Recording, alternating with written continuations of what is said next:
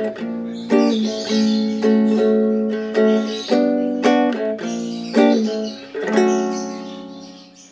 semua, selamat datang di podcast Ruang Intip bareng gue Andri dan sebut dong. Theo, Theo Fasilita Barat. iya dong, lu sekalian aja. Tengah. Iya. Mahendra. Eh, perlu memperkenalkan diri gak sih? Perlu lah ya. Boleh? Boleh. Coba dong. Nama saya Theo, saya ada. Bukan seniman bahkan, Iya. saya pelukis. Saya juga ngajar di kampus sama di sekolah. Ngajar seni rupa gitu. Oh ada. Pokoknya seni banget ya. Seni banget. Lalu Tengah? Oh ya, gua fotografer dan videografer. ini apa namanya freelance atau ini sih? Oh, lagi ya? bikin studio sekarang Studio, di waduh, rumah. Nah, sama banget. Mulai dari mana tapi ya? Ini aja kali ya. Menurut lu deh, lu sebagai seniman teh, gimana lu ngelihat seni rupa hari ini gimana?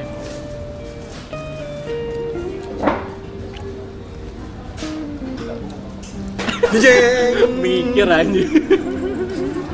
Menurut gue ya, sepi. Lu nunggu ngomong itu dari tadi ya. kalau gua sih iya sih sepi ya, cuma kalau soal hmm, kalau frekuensi doang sih iya. Tapi bukan berarti dia hilang gitu ya. Nggak ada terus habis itu nggak ada lagi sama sekali. Soalnya masih ada. Ada mah masih ada aja. Dan konteksnya kan sebenarnya karena kita pernah ngerasain heboh banget tuh dulu seni rupa. Yoi. Pameran tiap minggu lah, seminggu dua kali lah Sebulan pasti ada lah ya. setiap Sabtu berebut pameran lah karena kita pernah ngerasainnya kayak gitu jadi sekarang rasanya kayak sepi padahal sebenarnya kalau menurut gua praktek seni rupa sih minimal di setiap studio seniman ya Hmm. itu mah jalan terus aja pastilah kalau itu mah pasti cuma persoalan dia hits atau enggak ya gua nggak tahu ya apakah mungkin ini relevan disamain sama kayak misalnya Samsung S kan gitu lagi rame dipakai terus habis itu nggak rame lagi ya itu HP sih kalau misalnya seni diadu sama itu jadinya kayak apa emang seni kayak benda juga gitu kali ya apa trending nggak trending gitu atau gimana ya? Iya sih. mungkin gue sih lebih ngeliatnya bukan persoalan rame atau enggak tapi mungkin gue lebih penasaran masih relevan atau enggak misalnya misalnya pas lagi rame pun ternyata orang-orang nggak ngerti juga berarti emang nggak relevan relevan amat gitu pas lagi sepi siapa tahu jadi malah relevan karena orang malah nyari-nyari misalnya Oh, iya sih. Eh, tapi lu juga nyaut aja. Hah? No? Nyaut-nyaut aja. Oh gitu. Iya di sini. eh mungkin pembahasannya kita agak meluas aja kali ya. Kreatif Oh, iya. kali ya. Hmm. Iya kreatif kan. Dunia kreatif visual. dunia kreatif terus abis itu seni rupa di mana Iya. menurut lu di mana Menurut gue kalau seni rupanya sepi sih. Karena ya dulu kan kita ngerasain di Bandung tiap bulan pasti ada pameran. Terus eh, apa? Kayak dulu tuh Sasarna Sunario suka ada film-film indie-indie itu kan masih banyak tuh sekarang kan sekarang masih lasis masih tapi lah. udah jarang tapi nggak kayak dulu kan Sebulan sekali Tapi kalau dunia kreatif visualnya nih yang secara umum di YouTube, Instagram itu malah malah Ya. gila-gilaan ya. Hmm. Malah bertolak belakang dengan seni rupanya gitu gitu. Tapi kenapa ya? Tapi pengaruh nggak sih Instagram di dunia Seni rupa ya? Seni rupa. Kan kalau gue lihat sekarang ya kayak Harus Knowles gitu ya, misalnya Iya. dia kan taruhnya di Instagram gitu. Iya. siapa Misalnya eh, media-media kan kayak sekarang ada Knowles misalnya gitu. Oh. Nah dia taruhnya kan di Instagram tuh. Oh, Terus kayak si gue ngeliat fotografer sama pelukis tuh rata-rata sekarang udah mulai post di. Instagram gitu. Mau nggak mau sih Jadi kayaknya. kayak jual sendirian aja udah gitu. Iya. Sama bikin apa ya bikin kaos kayak Iya. ya Iya kayak kayak seniman. merchandise itu sendiri. Kalau seni rupa itu kayak muklai kayak gitu-gitu ilustrator-ilustrator tuh kan sekarang Hmm. sosmed banget kan apa eh, ngejual banget di sosmed gitu. Apakah sepi di pameran tapi rame Iya. di Instagram? lu memperhatikan itu gak sih? Mungkin juga ya. Tapi kan ngomong-ngomong lu juga main sosmed baru-baru Iya. berapa tahun Iya. ini ya teh? Kalau gue pribadi sih gue berjarak ya. Tapi baru menurut setahun lu dua tahun dari teman lingkungan lingkungan inilah seni senian lah. Tapi peran, memang peran sosmed itu penting banget ya sih? Memang kalau itunya mah iya ya secara objektif memang iya. Maksudnya dia udah terbukti lah jadi lingkaran sosial baru tapi nggak semua juga mengandalkan itu ya ada aja sih yang terlalu kritis gitu seniman-senimannya malah jadi anti media sosial gitu ada beberapa uh, yang gua follow ya akun-akunnya di luar negeri juga sih ada justru malah mereka merasa Instagram tuh jadi nggak tempat yang demokratis Hmm. gitu karena pada disensor gitu jadi karya-karya yang agak Oh, iya, iya. sensitif Iya. ya kalau udah nudity gitu-gitu disuruh turunin postingannya. Pokoknya kayak ada batasan sebenarnya kalau yang ngomongin karya yang agak kritik terus habis itu agak Hmm. Iya. wah ternyata yang yang manis-manis doang lah yang boleh. Kalau kita lihat yang ilustrasi-ilustrasi sih manis ya pasti oke ya. Muklai kan manis banget ya? Manis banget. Dan karyanya bisa peminatnya banyak untuk zaman-zaman sekarang kan. Ya. Buat di hotel bagus ya. buat di apa? Badan bagus. Badan bagus semuanya. Dia bisa taruh di mana aja sebenarnya. Tapi kan kalau kayak dunia kreatif misalkan kayak YouTube itu kan kenceng banget tuh laku banget. Instagram juga sekarang eh, yang berbau-bau visual kreatif juga laku banget ya likesnya banyak engagementnya gede lah engagementnya gitu kan. Tapi kalau seni rupa tuh engagement di dunia nyata sama di sosmed tuh jauh nggak sih? Ya sih. Hitungannya sepi juga ya laku nggak sih sekarang? Masih masih ini nggak sih? Masih bisnis seni rupa itu apa karena ada pengaruhnya karena sosmed? Jadi mungkin entah menurun entah, entah malah meninggi gitu?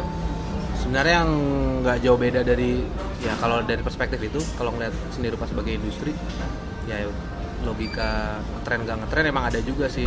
Karena seniman yang ngetren mah ada aja. Dan yang lainnya bukan berarti nggak berkarya lagi tapi ibarat kata nggak ngetren nggak kebagian spotlight gitu misalnya kita lihat yang yang sekarang semua tahu gitu kaos tuh kan semua sekarang tahu kan iya Kaos tuh udah lama banget sebenarnya, maksudnya dari Udah tahun berapa juga udah iya. ada. Cuma Iya. sebelum dia masuk Uniqlo mungkin ada ada aja orang nggak tahu. nggak gitu kan. tahu iya Terus baru tahu dari oh ini Uniqlo ngeluarin kaos. Jadi yang namanya kaos jadi trending. Tapi di saat yang bersamaan sebenarnya banyak banget yang style kayak dia, tapi mungkin dianggapnya nggak ngetren gitu, padahal mirip-mirip juga atau gimana gitu. Nah sebenarnya logikanya bisa kayak gitu sih sama aja sih. Tapi kalau dibilang kaos mewakili seni rupa, jadinya seni rupa masih ada, ya nggak tahu juga, nggak yakin juga sih gue jawabannya. Soalnya di Indonesia yang kayak kaos sebenarnya banyak juga loh. daging tumbuh Iya maksudnya. kan mirip-mirip maksudnya ya gitu-gitu Tapi mungkin kita perlu nunggu juga ya Uniqlo X atau Nugroho gitu ya. iya kan Kenapa Harusnya kaos dulu ya Tapi ya Wah, belum aja kali. keren ya, loh keren Ekonogroho X Uniqlo harusnya bagus loh Iya, kayak Soalnya gitu. Daging tumbuh pun sekarang juga di sosmed nggak begitu ini ya nggak begitu hype kayak dulu ya. Iya padahal dulu mereka zaman belum ada media sosial malah malah kenceng banget Kenceng banget ya. bikin sosmed. komiknya manual ya, Iya. tapi emang ada plus minus juga sih berarti ya Iya, iya. Soalnya kalau kata gue yang yang rada susah dari yang kayak gini itu kan speed ya, cepet banget gitu. iya iya hmm. Nah yang ini sih gue yang alamin ya. Jadi cepetnya media sosial, cepetnya orang bikin story besok hilang misalnya kayak gitu, trending ganti. Sebenarnya yang susahnya tuh sebenarnya ngebangun wacana ya, Hmm. kayak nyampein konten gitu loh. Hmm. Jadi kayak ada pameran seniman siapa misalnya atau pameran grup, konten belum nyampe, pameran udah ganti lagi gitu. Jadi kayak masih belum mengakar. Jadi kita belum benar-benar engage ya kalau istilah lu kan mengengage gitu kan. Sebenarnya kan gimana yang namanya konten tuh cepet dimengerti kan ya emang ada jurusnya juga. Dan kita harus akui seni rupa bukan medium yang untuk cepet-cepet gitu kan. iya Kayak banyak banget kode-kode yang lu gak ngerti, lu skip akhirnya gitu, gitu. lihat lukisan, lihat video gitu, video yang apa kayak yang art banget gitu, art movie gitu-gitu kayak man apaan sih gitu. tapi kan ya. sekarang film art gitu. yang art banget art banget tuh juga sekarang konsumsi anak-anak kecil-kecil nih Tapi lu menurut lu gimana? Iya kan? Anak-anak kecil itu bagus gak? menurut gue mereka objektifnya datang ke situ bukan untuk Mengerti? seninya iya bukan untuk mengerti tapi emang status aja aja, ya. iya apa update Validasi diri gitu ya. iya validasi diri aja udah pernah ke Macan Iya. di depan foto Yayo padahal mungkin mereka nggak lihat nggak tahu sejarahnya Yayo gimana ya kan Ya, yang penting ada dia dan yang Yayo penting ya, ada ya. ya dia ada Yayo Ya win itu win-win sih sebenarnya. win kan Win-win. tapi kayak Ma- Macan juga kan si Macan juga sebenarnya kalau gue lihat emang tujuannya itu kan kayaknya emang apa memilih seniman yang karya-karyanya Postingable. Iya. Kalau gue lihat ya soalnya Iya, iya. penataannya itu banget, Iya, iya, Instagramable Buat banget. Posting Iya. di tengah-tengah situ ya, Iya, karyanya itu iya. ya. Ya Mau gimana basically emang yang ngurusin macan pasti sadar betul lah kekuatannya sosmed, karena mereka kan tempat baru ya. Hitungannya buat sebuah tempat baru kan hitsnya mereka kayak gitu. udah berpuluh-puluh tahun. Hmm. anak-anak muda udah pada notice segala ya padahal umurnya belum ada ya. dua tahun loh Padahal bayar ya, tapi tetap aja yang datang yang datang Iya. ya kelasnya bayar lagi ya. Terus apa? eh, ya sebenarnya kayaknya Garnas kali ya. Garnas kan gratis dulu kan, tapi terus yang datang bocah-bocah Iya. ya. apa eh, Instagram. Tapi lu sebagai seniman, sebagai orang yang bergerak di dunia kreatif visual gitu, terganggu nggak sih? asal nggak rusak karyanya mah nggak apa-apa lah yang ganggu yang rusak Maksud lu men. kan kalau kalau dulu kan pasti lah pasti ada perubahan lah. Kalau dulu kan konsumsi konsumsi dunia dunia kayak gitu kan berbobot lah ya mayoritas audiensnya ini berbobot lah ya nggak sih? Iya kan? Yang datang tuh eh, ya inilah orang-orang yang emang entah pendidikannya entah pengetahuannya tinggi segala macam lah emang niatnya datang gitu. Nggak- kalau sekarang kan hiburan. Ya, sih, seni rupa sebagai iya. Iya. sebagai sebagai entertainment. validasi diri aja udah pernah ke situ udah pernah ini ini. Nah lu ngeliat itu gimana? Ya love hate lah ya. Ya kan? Love hate. Pilihannya apa seni rupa sebagai high culture kan nggak nggak ada dari dulu nggak ada ya jarang ya. Maksudnya apakah ada yang maksudnya ini gue pengen bandingin ya ini gue mau sharing dikit. Di Eropa sama di Amerika misalnya itu kan high culture tuh ada dari dulu ya. Maksudnya kayak kerajaan tuh ada kan? Hmm. kerajaan Perancis tuh ada gitu. Makanya habis Perancisnya di apa kerajaannya siapa yang dipenggal tuh. Marie Antoinette. Ya.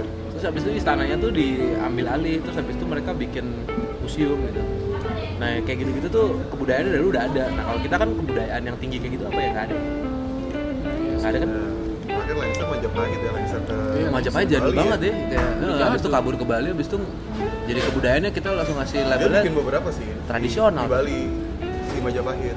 tapi maksudnya kan Bentuk-bentuk tapi nggak ada seni. itu keren banget sebenarnya candi-candi tapi Iya. buat kita sekarang mah bukan seni tinggi seni Nah, iya. seni lampau aneh banget Iya, padahal tuh high iya, art iya. banget.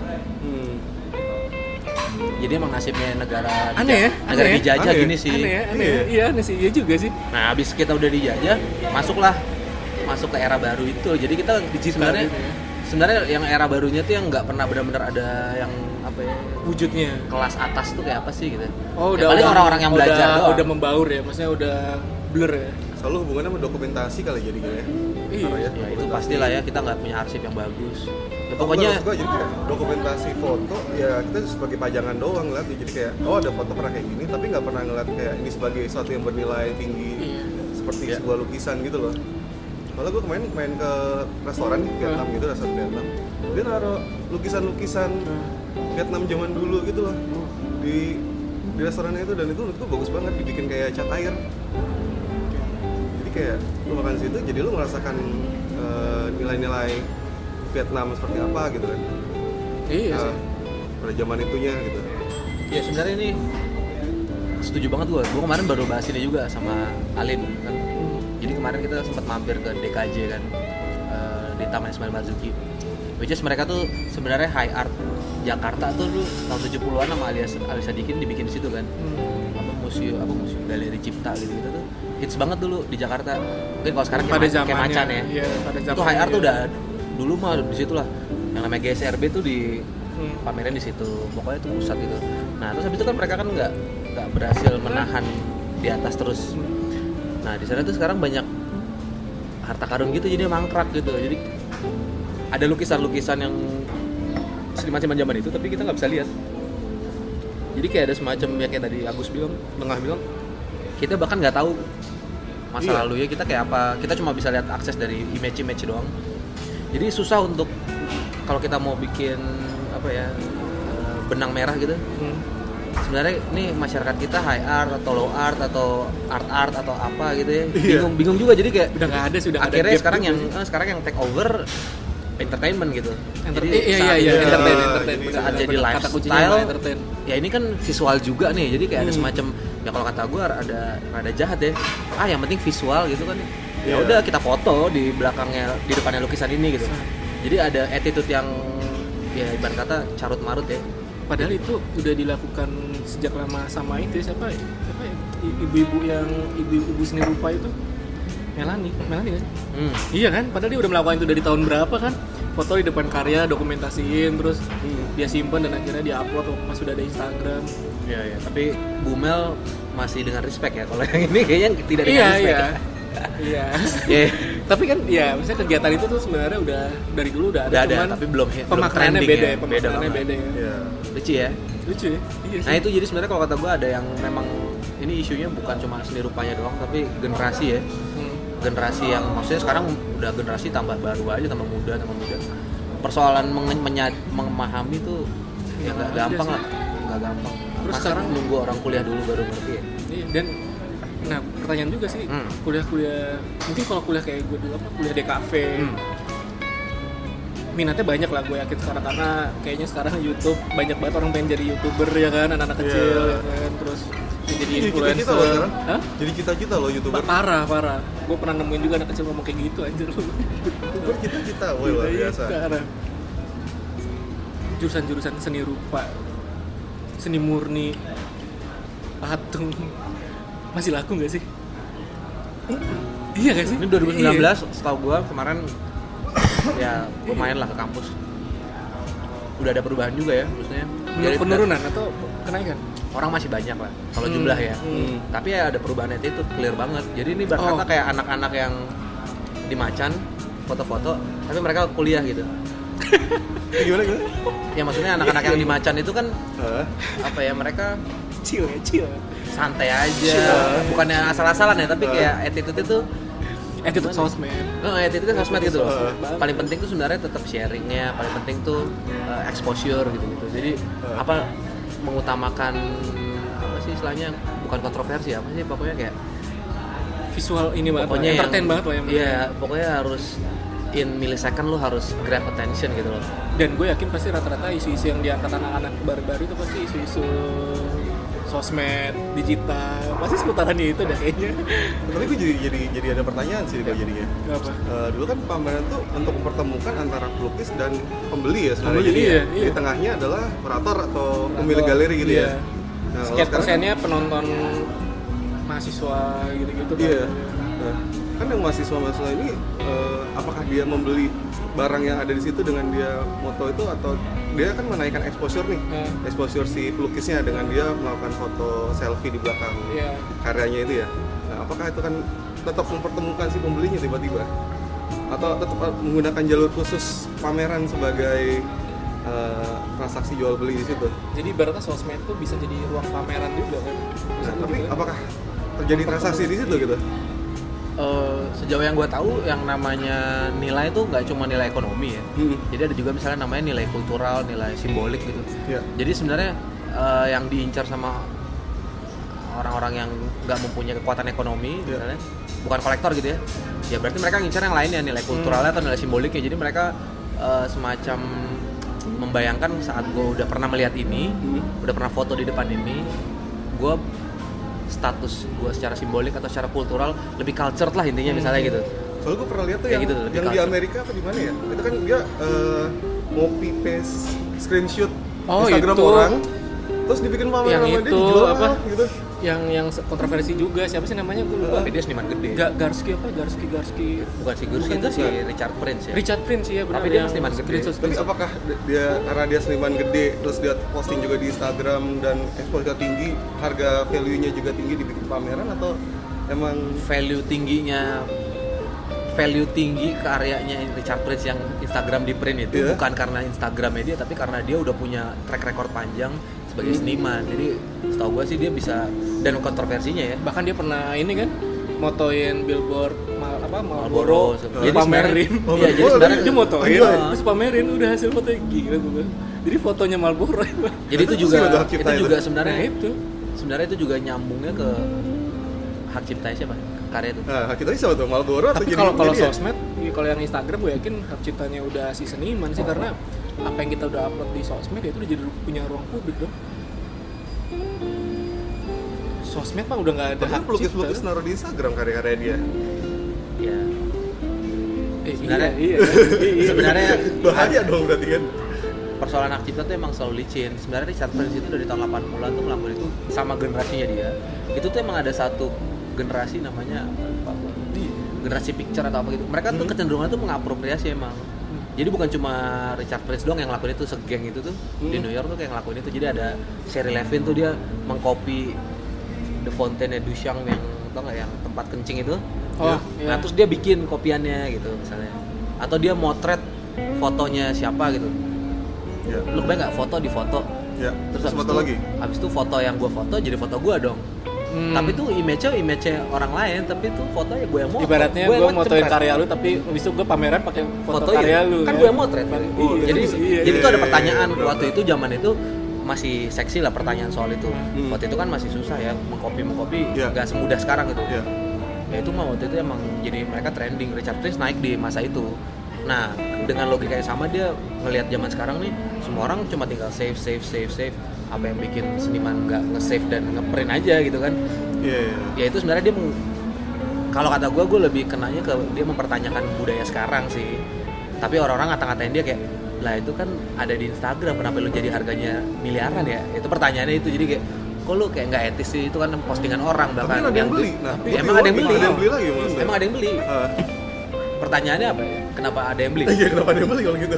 Mungkin marketingnya dia bagus marketing Iya nggak sih? berarti Kenapa bahasa yang komunikasi mat- marketing kalau menurut gue Coba, kenapa beli? komunikasi marketingnya dia? Maksudnya dia men- menceritakan maksud dari si ya kan sebenarnya komunikasinya aja kan.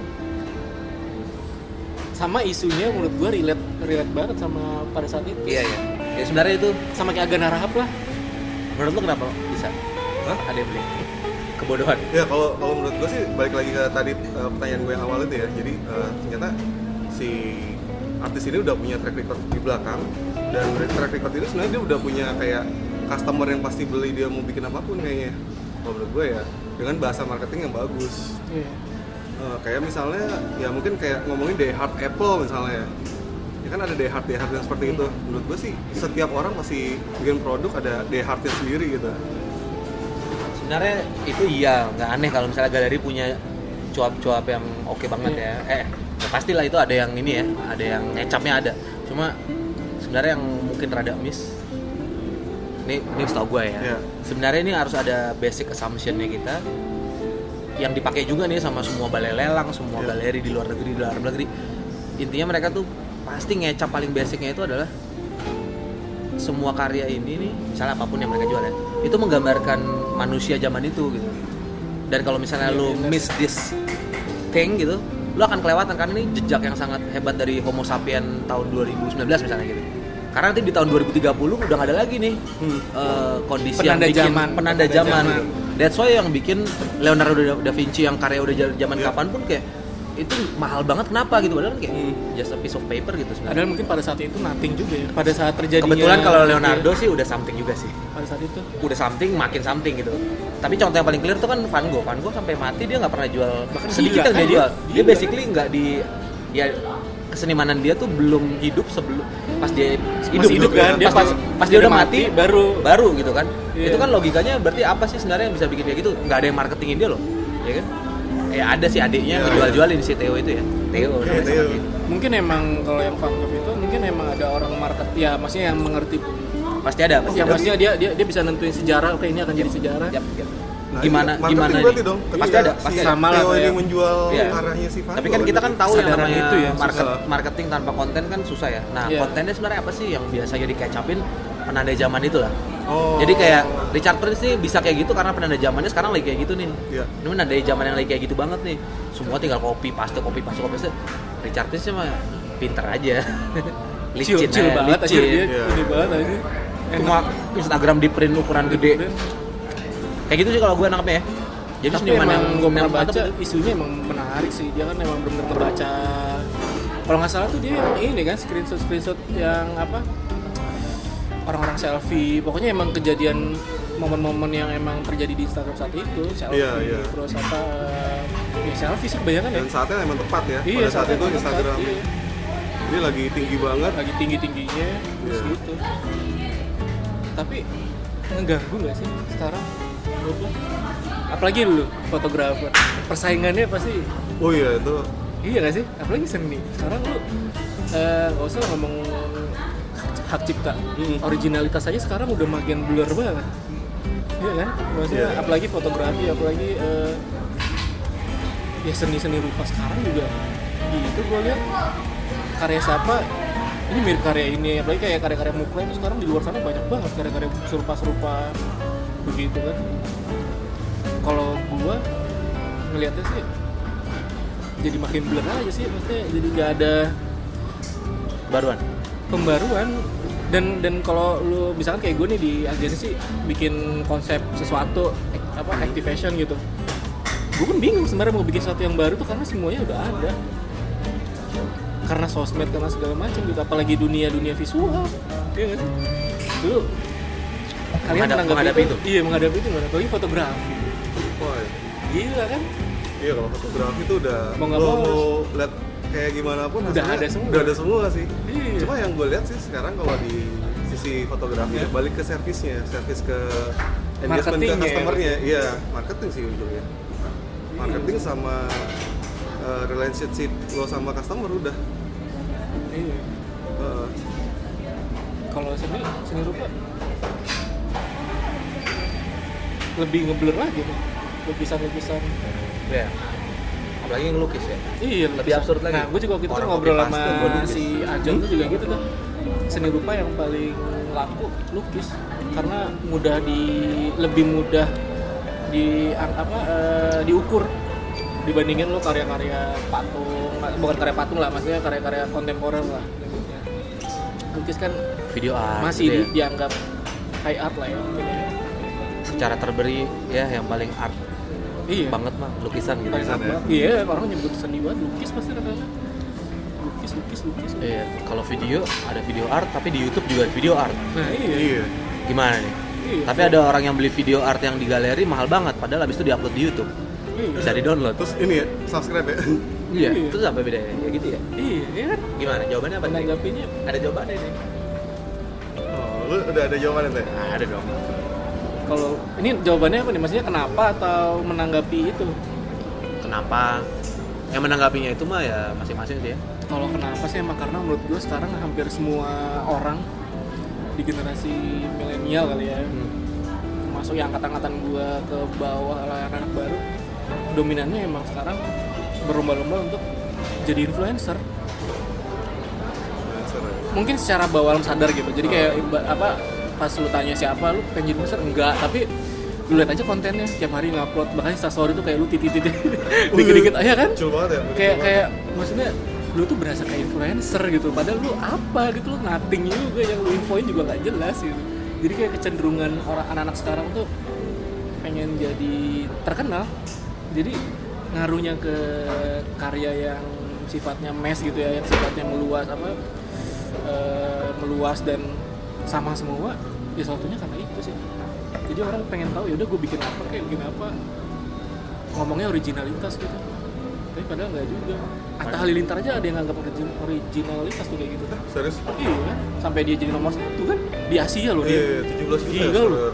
di Asia dia di Asia Tenggara nomor satu Enggak ada ada original ya. Eh, kalau lu pernah nonton channelnya kontennya sih nggak original ya? VNGNC tau gak lu? VNGNC tuh Nggak dia dulu dia sebenarnya anak muda banget sih anak bocah juga. Cuman dia muncul untuk mengkritik si YouTube YouTube ini.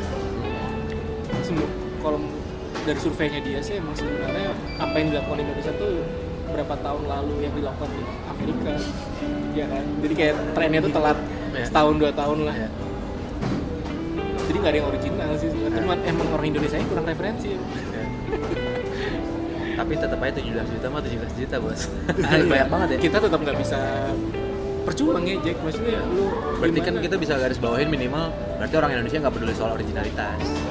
Yang paling penting menyenangkan Iya aja. sih. Saat menyenangkan, ya udah pernah ada nggak apa-apa lah. Tapi kan tuh bahasa Inggris aku nggak ngerti. Ya kan Iya. bahasa Indonesia.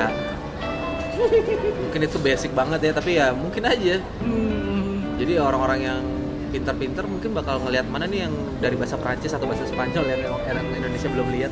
Padahal mungkin udah terjadi zaman kapan, tinggal di subtitle aja. tapi seringnya bukan emang begitu ya Mungkin. Eh, orang-orang pergi ke luar negeri melihat sesuatu di situ Kayak bawa kopi, ke- kayak kopi gitu ya. kopi kan di Australia ya dari Melbourne gitu misalnya kopi dari Melbourne gitu ini kayak misalnya nih eh, kakak gue deh dia ke India sebulan kemarin dia melihat teknologi-teknologi baru nah dia mau mengambil itu bawa ke, ke, ke Jakarta gitu. Dengan tujuan mengembangkan Indonesia pasti ya? Iya. Ya kan? tapi kalau untuk konten konten creator mana ya? Ini gimana kalau jawaban lu? Eh, yang mana nih kok jadi udah jauh sini? Jauh ya, jauh ya. Jadi tapi, ngidul. tapi ini malah seru nih gua kalau kata gue ini pengaruh kalau dulu tuh sebenarnya ini ini isu yang udah lama banget dari zaman Soekarno juga udah ada pengaruh barat ya ke barat-baratan yang kayak gitu-gitu kan sebenarnya dulu tuh pernah juga dipermasalahin jadi emang Indonesia ada yang original ya?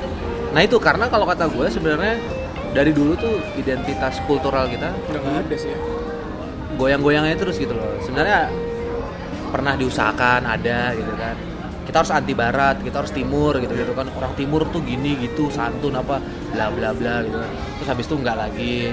Habis itu orang-orang mulai nggak ada pagernya lagi ya mulai ikut ikutan lagi. Sebenarnya ini kayak gini-gini kan mulainya kalau kata gue ya persoalan konsumsi budaya ya.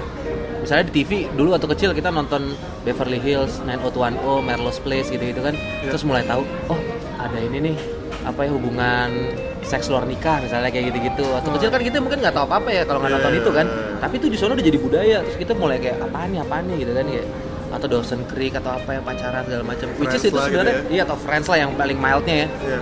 maksudnya kalau dipikir-pikir kan di dunia kita sehari-hari kan nggak kayak gitu-gitu amat gitu kan Iya. dunia sehari-hari mungkin kita pe- pegangan tangan aja malu-malu gitu Iya. akhirnya kita besar terus lama-lama sehari-hari kita kayak friends sekarang kita biasa aja tuker-tuker pasangan segala macam kayak udah karena kita kecilnya mengkonsumsi itu gitu gitu Jadi kayak mempengaruhi bawah alam sadar. ya ya jadi kayak apalagi sekarang anak kecil yang udah nonton YouTube. YouTube gitu kan. Nggak tahu mereka gedenya udah levelnya apa gitu kan. Kalau dulu mungkin kita masih kecil tuh kayak masih ibarat kata curi-curi gitu misalnya kan. Iya. oh ini nggak boleh nih. Atau masih disensor atau masih apa. Sekarang kan sensor udah nggak ada. Nah jadi hal-hal kayak gitu kalau kata gue ya apa ya namanya efek domino gitu loh efek domino Hmm. nah itu generasi kita nggak tahu generasi atas kita nggak tahu generasi bawah kita beda lagi kan tapi apa yang kita konsumsi lah intinya Berarti antara konsumen dan creator dan konsumen. Nah, makanya aja gitu ya. makanya ini pertanyaannya kan kayak pertanyaan lo tadi. Kita sebenarnya kan basically konsumen banget. Iya. Tapi kita mau ada ilusi kita tuh bisa jadi konten kreator. Padahal sebenarnya yang kita kreasi ini tuh mah udah ba- Basi. udah Basi, udah iya. basi gitu loh. Uh, uh. Jadi kita kayak cuma modif-modifan doang gitu. Iya, Jadi yang namanya benar-benar fresh tuh kayak sebenarnya kita pertanyaan juga ya. Konten kreator tuh apa harus original? Ah nggak usah lah. Yang penting ada konten misalnya gitu kan. Iya. Rame. Kayak gitu. Hmm, yang penting hits, viral, beres kan apa yang kurang misalnya. Jadi kayak agak di skip lah soal kontennya, yang penting ramenya itu. Iya sih kayak misalkan si siapa tuh ya?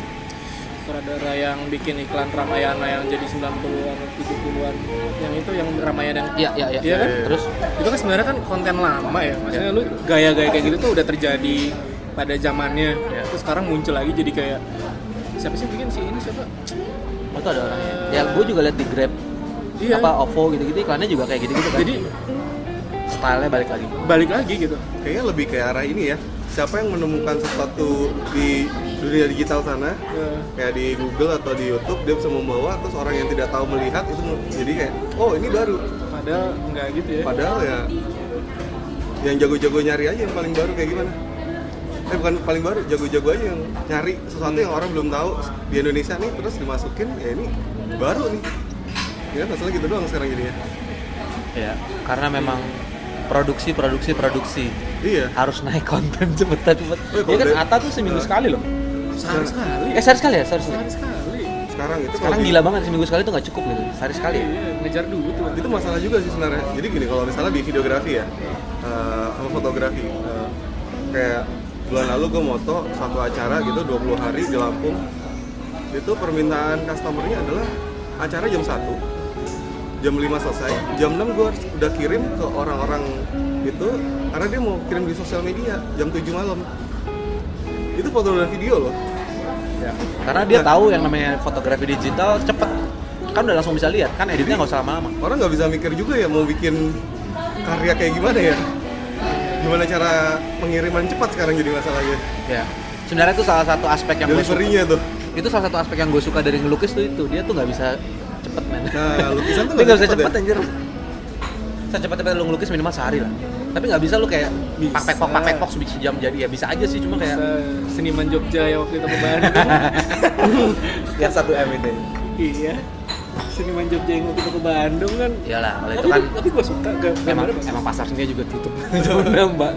iya kan nggak maksudnya the point is nggak nggak digital tuh salah satu prevent apa advantage sebenarnya Iya, jadi nggak ada- digital gitu loh kalau digital kan salah satu tuntutannya jadi cepet karena lo ikutin pola yang ada distribusi di, di dunia digital Ya dan lukisan tuh ada proses kan, proses pengeringan. Kalau itu kan nggak bisa tuh, pakai hair dryer. Kayaknya masih ada waktu-waktu juga ya. Kalau digital kayaknya kecuali lo bikin internet aja sih. atau bikin digital painting aja digital painting iya. cepet cepet ya Oh, makanya iya, kebutuhannya betul. apa cepet kalau gue sih senang yang lambat sih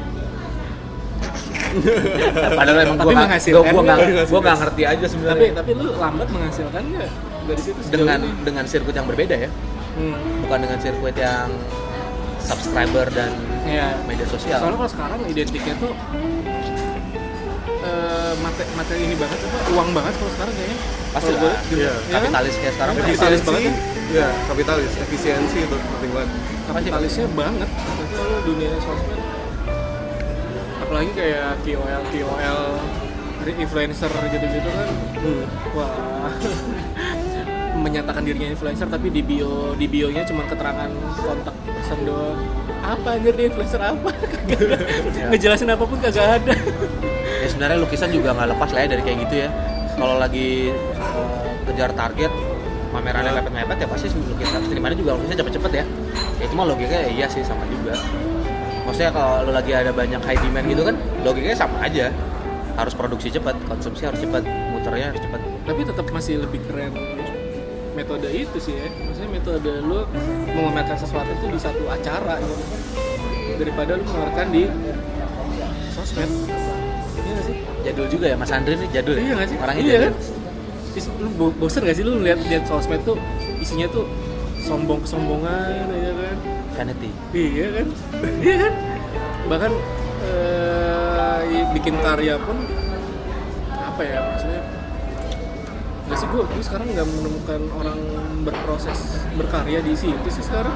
Kebanyakan ya udah ngupload yang dianggap karya padahal ya karyanya sampah juga Sebenarnya proses itu juga penting ya. Proses tuh Iya. dinilai value itu sebenarnya dari, dari proses juga ya. Dari nah sekarang tuh dikat tuh itu. prosesnya terjadi pemendekan ya sih maksudnya sekarang demi konten semua terjadi Oh, gue jadinya ngeliat ada beberapa, eh, gue ngeliat beberapa pelukis gitu ya. Dia jadinya ya memberitahukan prosesnya di Instagram ya. Ini gue lagi proses eh, apa gitu. Sekarang lagi apa gitu. Udah ngasih tahu proses. Jadinya. yang menggunakan sosmed banget paling IWW ya. ya dulu zamannya Twitter kan dia dikit-dikit ngepost dikit ngepost dan dia memang aktivis beneran sih aktivis aktivis yang dibenci sama negaranya sendiri Iya, ya basically yang Arab Spring juga kan muncul gara-gara dikumpulin di media sosial ya. Bisa kumpul ribuan orang habis itu demo pemerintah. tapi dia Ya, enggak, tapi menggunakan banyak platform itu dengan baik Ya, tapi kan nggak banyak yang bisa kayak gitu kan. Ya basically orang ya gimana ya? Lu mau revolusi tiap hari sampai juga. Yang bisa berjalan terus-menerus ya pamer, vanity. Habis itu battle gimana cara gue menandinginya, habis itu kita kalah lagi, habis itu kita harus menang lagi ya bangun tiap pagi gitu aja gitu ya. jealous habis itu kita ngabisin hari ini buat menandingi itu gimana caranya pokoknya strategi itu sehari-hari gitu ya tapi at least itu jalan terus kalau revolusi mah bahaya juga ya ntar semuanya ngulang lagi dari awal bangun pagi ngelihat updatean orang apa sih yang diupdate kayak gitu doang aja iya kan Tapi harus hubungan ke revolusi nggak sih? Maksudnya kan di Indonesia revolusi juga kayaknya nggak pakai media sosial ya. Karena sih pas 98 kan memang karena krisis ekonomi aja gitu kan. Bisa disudutkan di situ. tapi emang sosmed itu seksi sih politik pun menghang apa bisa sampai segitunya mempengaruhi orang kan di sosmed? Ya, ya. sebenarnya kalau misalnya kemarin terjadi perang. pemenangan di MK oleh 02 mungkin sosmed berarti bisa bisa membanggakan diri nih kita berhasil menggalang. Ya kan sebenarnya pinginnya gitu ya cuma kalau gagal ya nggak jadi revolusi ya. bahaya sih kalau menang sih. Nggak lah itu mah ya, asal-asalan itu ya bercanda-bercanda tapi bercanda-bercanda tapi nggak lucu ya tega banget Itu masih direkam nggak sih kayak gitu-gitu Eh, di dalam sebuah lukisan? Kayak gue jarang deh ngeliat. eh, iya eh, iya itu Reformasi Orde Baru ke Orde sekarang gitu ya. Itu Emang ada lukisan yang membahas tentang itu ya? kalau sekarang gue ngeliat kalau karya-karya seni rupa sekarang balik lagi ke abstrak sih iya gak sih Karena iya itu ya. iya kan maksudnya Oh. yang tadinya bentuknya ada bentuknya ibaratnya ada jelas lah bentuknya apa yang yang dia gambar apa terus semiotikanya juga kelihatan ini ini, ini gitu terus sekarang si seniman-seniman ini juga mungkin baru dari dua tahunan yang lalu kali ya maksudnya Iya. pas pameran kan gue pribadi juga ngalamin itu sih sebenarnya abstrak lagi gitu balik lagi ke abstrak kalau yang bisa gue jelasin dari proses gue ya gue nggak tahu kalau orang-orang lain ya sebenarnya ada ini juga gue ada ada kejenuhan akan image itu loh. Atau emang ada pengaruh dari sosmed juga? Ya pengaruh juga? pengaruh juga dari situ. Jadi memang apa ya namanya ya yang namanya sesuatu yang bisa lo lukis dengan clear gitu image-nya gitu. Hah? itu kan sebenarnya se- ya kalau ngelukis kan lu one shot aja kan lu Iya. nggak bisa ntar gue ganti lagi dia gue ntar gue ganti lagi atau gue hapus dia gitu kan nggak nggak kayak gitu logikanya kan. Jadi kayak ada semacam fate banget gitu loh kalau misalnya lu milih gambar ubi gitu kan. Kayak lu punya fate banget nih dengan si ubinya simboliknya secara Iya. kultural dia signifik signifikan banget gitu. Iya. nah kayak sebenarnya kalau gue sih ngalamin ada kayak gitu ya kayak sekarang image tuh makin gampang lu lihat terus habis itu rela- relasi kita sama image tuh sebenarnya jadi gak signifikan itu juga gitu. Apa sih sebenarnya paling signifikan? Coba misalnya gue tanya sama lu apa image yang paling signifikan lu lihat hari ini aja misalnya? Yang benar-benar wah kuat banget nih gitu yang mewakili hari secara ini image gitu. gitu. yang impactnya kuat banget nih secara psikologis gitu Gua kereta kereta Iya. itu karena habit ya habit gua. Emang. soalnya gue kalau kalau gue pribadi emang sosmed mengurangi sih agak, agak baal gitu loh iya kayak baal gitu mengurangi karena jenuh ngeliatnya kayak gitu ya Tapi lu masih sering googling gitu? Googling apa image? gue sekarang ya kalau googling gue ya Pinterest gue masih Pinterest gue nggak justru gue lebih lebih di Pinterest daripada Instagram Medium? hmm? Medium? enggak Nggak, medium ya? tuh nulis ya nulis Iya, nulis. Yang Ah, Quora gua menit. kalau yang di handphone Oh, Quora. Quora, Quora gue seneng tuh, lucu kadang-kadang pembahasannya Penja- jawaban jawabannya lucu Terus eh, YouTube gue juga paling yang gue tonton tuh kayak MLI tau gak? Majelis Oh, Lucu Majelis Indonesia, Lucu kayak Indonesia. gitu-gitu yang emang satir Konten-konten satir, kayak gitu-gitu lah Tapi kalau yang Instagram ngeliat akun gue, gue sebenarnya pengen banyak banyak gue pengen banget gue unfollow unfollow sih orang-orang sebenarnya Dulu ada pembatasan gitu, jadi kayak cuma follow sampai berapa banyak enggak gue kalau gitu. kalau pembatasan nggak ada Nah, cuman sekarang jadi kayak anjir ngapain gue follow ini ya padahal ya temen gue juga tapi kayak menjaga akal sehat ya iya ya. Tapi kemarin gue baru dimarahin gue gara-gara nggak follow temen gue sendiri. Luar biasa sosial media ini. Sampai mah bawa ke dunia nyata Iya, ya. dunia nyata. iya. Iyalah. Iyalah bahkan kadang-kadang bisa kita unfollow kan. Terus dia ada beberapa orang tuh yang emang ngecekin orang-orang yang Serius lu? soalnya gue unfollow orang. Hah? terus? Ya sama kayak lu tiba-tiba dibilang kok lu unfollow gue kok lu unfollow gue eh, lu tau dari mana gue unfollow lu aja kan gak ada notif Gak ada notif tapi dia cek manual Iya, berarti kan logika gue, berarti dia ngecek manual anjir. Ah, ada yang begitu. Anjay Iya kan?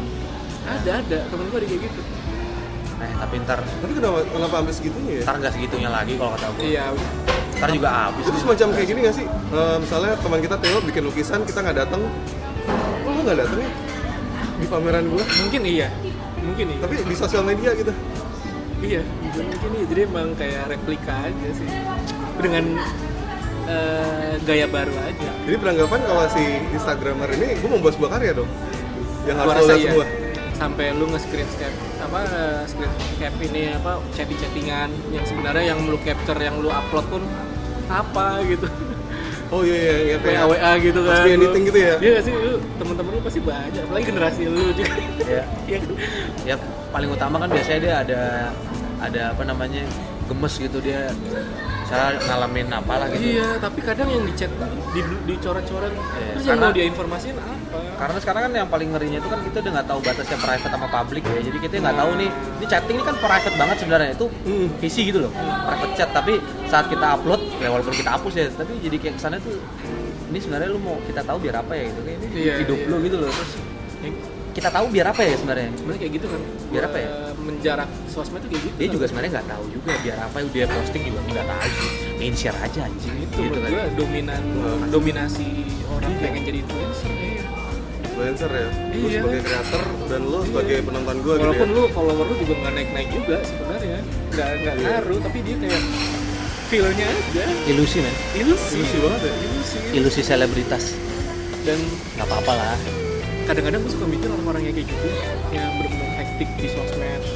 Padahal dia padahal kalau kita buka juga dia sebenarnya bukan siapa-siapa juga. Itu orang-orang yang di dunia nyatanya nothing sih. Iya sih. Jadi eskapis ya? Iya jadi Iya. kayak dia di dunia nyata eh, apa, stuck lah. Maksudnya bahasa kasarnya mah stuck lah kali ya. Terus sosmed karena dia punya kendali penuh nih sama ini kan. Sosmed dia jadi akhirnya dia mengeluarkan apa yang dia mau. Yang sebenarnya mungkin itu pengen dia di dunia nyata sebenarnya. Kalau gue kadang sampai pikir kayak gitu sih. Kalau iya kesian ya. Iya. jangan deh. Mudah-mudahan. Jangan lah. Iya gitu bertobatlah hapus akun dan kembalilah ke dunia nyata nak. Gue ada pertanyaan tapi gak enak nanya ke lu ya apa tuh? Eh by the way soal itu nanti mau ada film Lion King itu pertanyaan utamanya itu loh. Temukan tempatmu di masyarakat. Oh gitu? Luar biasa dalam ya? Jadi semua orang harus nonton Lion King ya biar tobat. Ini eh, advertising ya? apa pertanyaannya? Menengah Eh, ini Instagram kan makin banyak yang lihat sebenarnya dia meningkatkan kemungkinan adanya endorse. Iya. Ah, berarti masukin sebuah bisnis ya uang ke situ ya. Maksudnya gue ngeliat kayak karena sekarang emang dia influencer karena dia mungkin cari profit juga di situ gitu ya. Nah which is real ya. Bisnis ya begitu makin banyak orang yang datang ke tempat lo makin banyak eh, iklan-iklan yang Ya. bersentuhan ke sana gitu ya makanya mereka melakukan apa pun lah gitu ya untuk dapetin Uang. viewer, Iya. dapetin likes gitu ya pertanyaan gue kalau lukisan nih kan pameran lo berharap gak sih nonton lo banyak yang datang ke tempat lo di dunia nyata ya iyalah cuma banyak sama sedikit itu nggak berbanding lurus dengan eh, signifikan atau nggak signifikan? Nah itu pembelinya. Pembeli yang memahami yang Hah? mengerti yang maksudnya pasti kan karya seni itu kan bukan hiasan ya itu asumsi yang sepakat kan? Langsung semangat semangat maksudnya Nah, yang chatting-chatting di posting itu kan sampah ya? Iyalah nah lukisan kan nggak diniatkan untuk seperti itu pasti Iya. atau karya seni apa pun lah. Iya. karena dia berangkat dari sebuah proses yang wah ini ada sesuatu yang mau gue sampaikan lah kayak gitu gitu kan. Nah jadi sebenarnya signifikan yang ketemu dengan orang yang bisa diajak ngobrol Hmm. lebih bagus ada yang mau beli segala macam. Itu yang yang nggak berbanding lurus sebenarnya dengan rame atau enggak sebenarnya. Iya. Rame banget tapi nggak ada yang belanja sama aja bohong. Iya. Sepi tapi ada satu orang yang tiba-tiba mau belanja beres juga. Ya, kayak gitu Jadi kayak gitu kan, ah, jadi emang yang penting berkualitas ya. Uh, si apa ya nature-nya nggak terlalu mir- nggak nggak berbanding lurus sama likes dan viewer lah lo beda ngomong-ngomongin digital kan traffic tinggi berarti advertising tinggi. Tinggi ya Iya. itu sih ya itu udah pasti tuh kalau pameran kan belum tentu ya. Ya cuma kalau misalnya trafficnya tinggi kan salah satunya mungkin atau dua orang dari antara itu ingin belanja lebih baik ya. Hmm. Kalau yang bocah-bocah yang datang masuk kan nggak nggak ada ya kalau juga ya, kalau nggak bawa dompet nggak usah deh. Gitu ya. Ada peraturan kayak gitu. enggak lah. Kalau menurut gue sih semua itu terjadi karena sosial media ini menghasilkan uang sih. Iya menurut gue itu malahan. YouTube apalagi YouTube ya. Iya orang ngapain sampai dia pakai aksesoris mahal-mahal, OTD Iya. lah tiba-tiba muncul. iya padahal kayak YouTube aja dulu sebelum ada sebelum gabung ke Google kan zaman itu kan belum ada duitnya justru kan gitu. Iya. YouTube tuh bener-bener jadi platform yang karya kan malam minggu Miko lah ibaratnya dulu kan Iya. ketika kan dulu kan abis Bagus belum tuh. ada iya kan hal-hal yang kayak gitu-gitu gitu yang Kalau kalau di luar gue ngeliatnya eh, ini kalau gue lihat sebagai videografer, fotografer ya, gue ngeliatnya ada beberapa videografer yang dia nggak nggak memasukkan iklan di situ, tapi dia mainnya di afiliasi sama Patreon gitu kan. oh, Eh, mungkin kalau Indonesia kan baru ya Tokopedia kalau nggak salah ya baru muncul afiliasi. Ya, mungkin setelah itu kali baru muncul yang berkualitas berkualitas kali. Tapi sekarang kualitas pun juga relatif sih dari Iya, pandang siapa dulu sih. Benar benar benar benar. Karena kadang-kadang brand-brand pun yang setahu gue juga ya mereka pun kadang berani nge-hire ya anggaplah Halilita Iya. orang-orang se- serupa-serupa itulah. Nah, karena emang pasarnya si brand ini ya orang followernya dia gitu ya. Hmm, pengikut-pengikutnya dia. Jadi kadang yang nggak berkualitas pun tapi ternyata itu di sudut pandang orang lain tuh berkualitas dari segi dagang gitu jadi bingung sih kalau berkualitas tuh kayak gimana sekarang juga semua sudah Iya, blur bener. iya. Ya, kualitas taste emang licin ya maksudnya ada aja sih orang yang dianggap sebagai taste maker adalah ya apa forecaster Iya. adalah terus cuma yang benar-benar kualitas fungsi kritikus juga kalau di Indonesia ini sekarang jadi kayak gimana coba kritikus mana ada lagi iya kan Mana ada lagi. juga kayak jadi Iya. kayak- Iya, maksudnya itu kan perubahan yang era ya nyata lah, udah nggak ada lagi. semua orang jadi kritikus sekarang Kritikus sama kritik beda kali ya? Tapi sekarang gue lihat Iya. kritiknya itu kalau di Indonesia nggak pernah yang menjelaskan kalau ini iya atau enggak. Menurut dia ini Ya. bagus opini atau ya enggak. semua opini Jadi selalu sifatnya. mereka mencoba ya agak-agak Mengarahkan, ini, ya, ya, mengarahkan mengarahkan, aja tapi- tapi, ya enggak juga sih. Kayak. Karena memang yang namanya Nggak berani juga. praktek kritik tuh susah sebenarnya. Sama kayak bikin karyanya susah, Hmm. mengkritiknya juga sebenarnya susah. Jadi orang yang nggak ngerti mah bakal abuse istilah kritik ya. Dikira kritik itu sebenarnya apa gitu. Terakhirnya tetap endorsean gitu. Iya. Tapi dia bilang ini kritik gitu. Ya emang susah. Ya kayak orang mikir melukis mah gampang, semua orang yang penting beli cat jadi lukisan kan nggak juga gitu. Semua orang udah bisa ngetik, bisa bikin tulisan kritik, ya nggak juga sih. Iya. tapi dulu kemarin kan katanya sempat jalan-jalan ke ITB lagi tuh kan Ya. lu ngeliat berarti kan sekarang generasi generasi anak-anak mahasiswa-mahasiswa baru ini cenderungannya kayak gitu nggak sih kalau gue sih curiganya begitu ya maksudnya punya pola pikir yang coret-coret coret-coret dikit seni coret-coret dikit apalagi kons- digital konseptual gitu. iya kan dikit-dikit konseptual iya dulu sebenarnya udah begitu tapi kan semakin digital sosmed asupan mereka pun semakin ya sampah-sampah ini gitu kan jadi ya kemudahan Gitu. memproduksi Iya. lah sekarang. Kemudian memproduksi. Kalau yang paling pasti gua tahu pas kemarin gua datang tuh sepi. Jadi ternyata, jadi ternyata orang-orang tuh sekarang malas ke kampus. Wah ngurusin clothingan. Jadi sekarang tuh isinya tuh anak kampus kampus tuh kayak startuper startuper juga gitu jualan clothing bikin tote bag gitu. Jadi kayak ada bisnis Iya, iya, yang iya, mereka harus gitu. jalanin. Jadi Eh. kayak ya ke kampus pas lagi jam kuliah aja habis itu nggak nongkrong lagi gitu. Kalau dulu kan zaman kita kuliah kan artinya kita anak kuliah. Kita nggak bisa bisnis orang kita Nggak masih ada masih dikirimin dari rumah kok. iya. ya kan belum ada sosmed belum ada apa. Sekarang mah udah beda mereka digital native. Baru kuliah aja mereka udah punya clothing. Clothing kecil-kecilan udah tahu produksi kaos di mana desain desain sendiri tinggal bikin jualan PO PO pre-order pre-order gitu ya. ke kampus mah kuliah aja lah gitu Jadi tujuannya bisnis dong ujungnya. ya Nggak ada yang- faktanya itu yang paling Profit. paling cepet profitnya Oh. fakta kalau itu mah fakta itu mah gue lihat kemarin cuma yang stay di kampus kan merasa heroik ya kita Iya. mau mau jadi seniman ya elah emang kalau lu ada ya, kayak nongkrong gitu? jadi seniman juga ya enggak juga kan gitu tapi masih ada yang masih ada aja Ya, tapi hitungannya sepi pengen jadi seniman di masih ada sekarang masih ada masih ada tapi seniman macam apa yang mungkin beda ya? Ya mungkin mereka udah digital native pasti mereka udah punya jurus yang beda-beda lagi. Soalnya sekarang penada, penada kalau dulu kan emang mungkin seni itu benar-benar jadi penada zaman kan ya. Kalau sekarang apa pun bisa jadi penada zaman. Benar, benar. iya kan? Benar. Ya, desainer bisa sangat hits dan penanda zaman. Iya. Iya. penada zaman seni rupa sebagai penada zaman tuh udah udah lewat nggak juga. Buat karena penanda zaman jadi orangnya kali ya. Iya Ya, mungkin misalnya, mungkin misalnya berhubungan selalu sama teknologi jadi gitu. pasti juga ya pasti iya pasti bisa juga kayak misalkan mungkin berapa tahun lagi kayak itu dulu zaman zamannya Ria Ricis ya kan jadi Ria Ricis Ah. disebut zaman zamannya si ini si ini si siapa ini, polisi gitu. yang dangdut kan aduh yang itu sampai keluar dari kepolisian. Iya, jadi orang India apa ya yang nyanyi India India. Caya caya itu kan. Anjir itu Iya. apa kabar ya? Itu penanda bulan ya. Bulan zaman itu doang udah habis itu lewat. Iya, jadi ada kejadian menarik dari seseorang ya itu jadi, Jadi penanda penanda. ya. tapi kan penanda kan nggak kayak gitu ya. Maksudnya penanda mah mungkin levelnya kayak Apple gitu kali ya. Ini penanda zaman nih Apple nih. Oh itu kan dunia, kalau Indonesia. Indonesia mah nggak ada yang bikin kayak Apple lah. ya? Bahkan Apple pun sekarang udah sedikit lari dari konsisten ya, ya, dulu sebenarnya lu notice nggak? Dua hari lalu atau tiga hari lalu John Ive tuh keluar. John Ive tuh Ya, desainernya baru. 30 tahun yang desain semua segala sesuatu yang hits yang kita pegang sekarang tuh John Ive. Dan gua rasa dia udah melihat tanda-tanda bahaya mendingan gua cabut duluan gitu Ya, ya karena juga teknologi juga gitu kan cuma iya. siapa duluan terus tinggal yang belakangan ya bikin yang duluan itu gitu. bahkan Apple pun sebenarnya sekarang sekarang hampir semua brand larinya ke Apple kan maksudnya dari segi desain Iya, Pony sekarang Android Pony iya. semua. iya tapi sekarang Apple tapi Apple sendiri mungkin warna-warna Udah ngapain gitu ya? iya. kita juga belum tahu nih kan mas- menghadapi perangnya Trump sama Xi Jinping ini kan Amerika lawan Cina kan nggak lucu ya katanya bakal pabrik Apple bakal ditarik semua ke Amerika kebayang itu harganya berapa juta gitu kan Hmm. iMac Pro tadi 85 juta sekarang 2019 gimana nanti 2020 gitu kalau perangnya makin berlanjut gitu kan selama Donald Trump masih di kantor Eh tapi White itu House jadi ngeliatnya gini loh.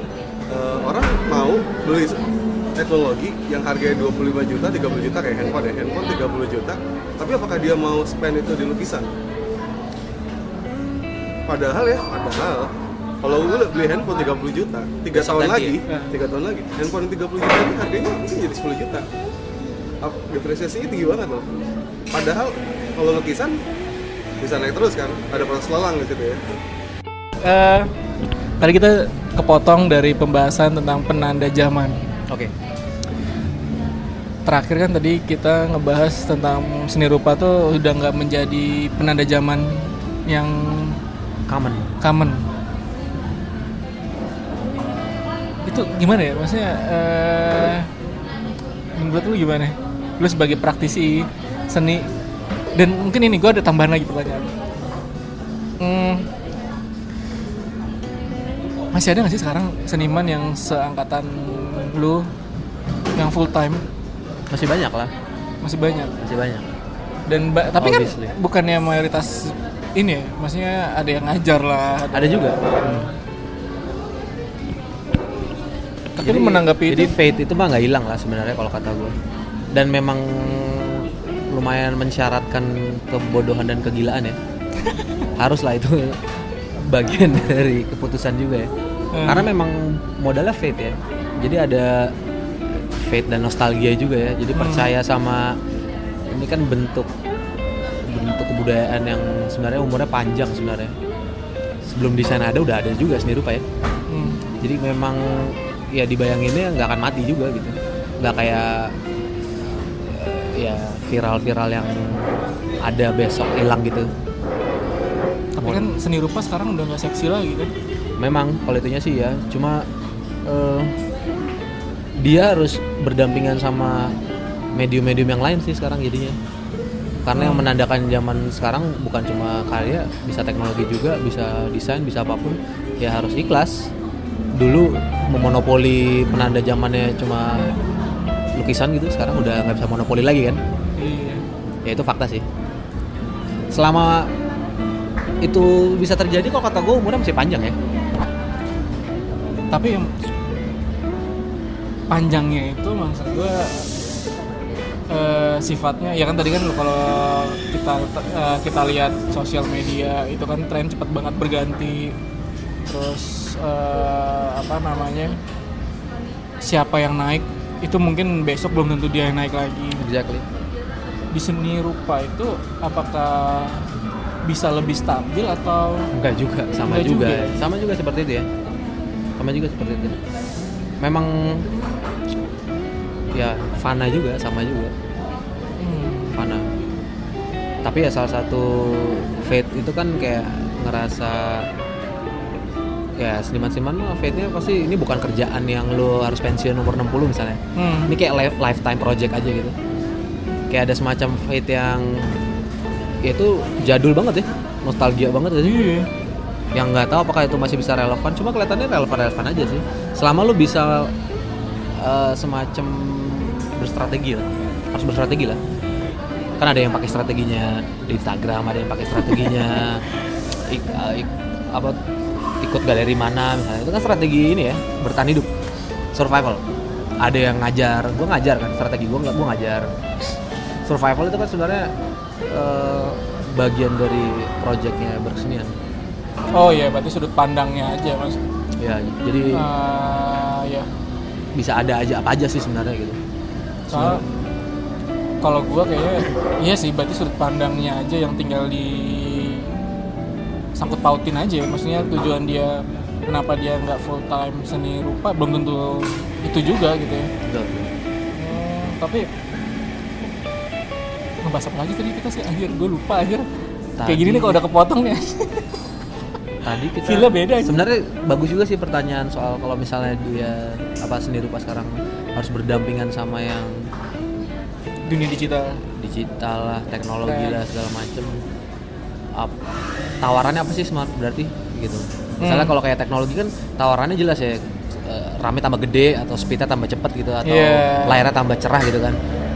Clear gitu kan Hmm. tawarannya. Kalau di seni rupa mungkin jadi ada pertanyaan juga sebenarnya orang bertanya juga kenapa masih mengandalkan lukisan misalnya atau orang masih ngelukis ini gitu. Apa sih yang ditawarin sebenarnya gitu? Itu pertanyaan yang kalau menurut lo apa? Apa yang ditawarin apa yang bisa menjual gitu ya maksudnya? Apa yang bisa menjual apa yang bisa dia apresiasi sebenarnya kan? Kalau orang mau beli dia beli ini nih gitu. Hmm. apresiasi apresiasi ininya nih gitu. Hmm, apa ya? Kalau kalau gue sih melihatnya sekarang mungkin kalau diapresiasi sama gue nggak tahu ya kalau dari sudut pandang kolektor atau orang yang membeli karya gitu. Tapi kalau dari sudut pandang umum kalau yang gue lihat karya bisa diapresiasi kalau karya ini bagus untuk diupdate bagus untuk diupload iya postingable Iya, postingable. Iya nggak sih? Karena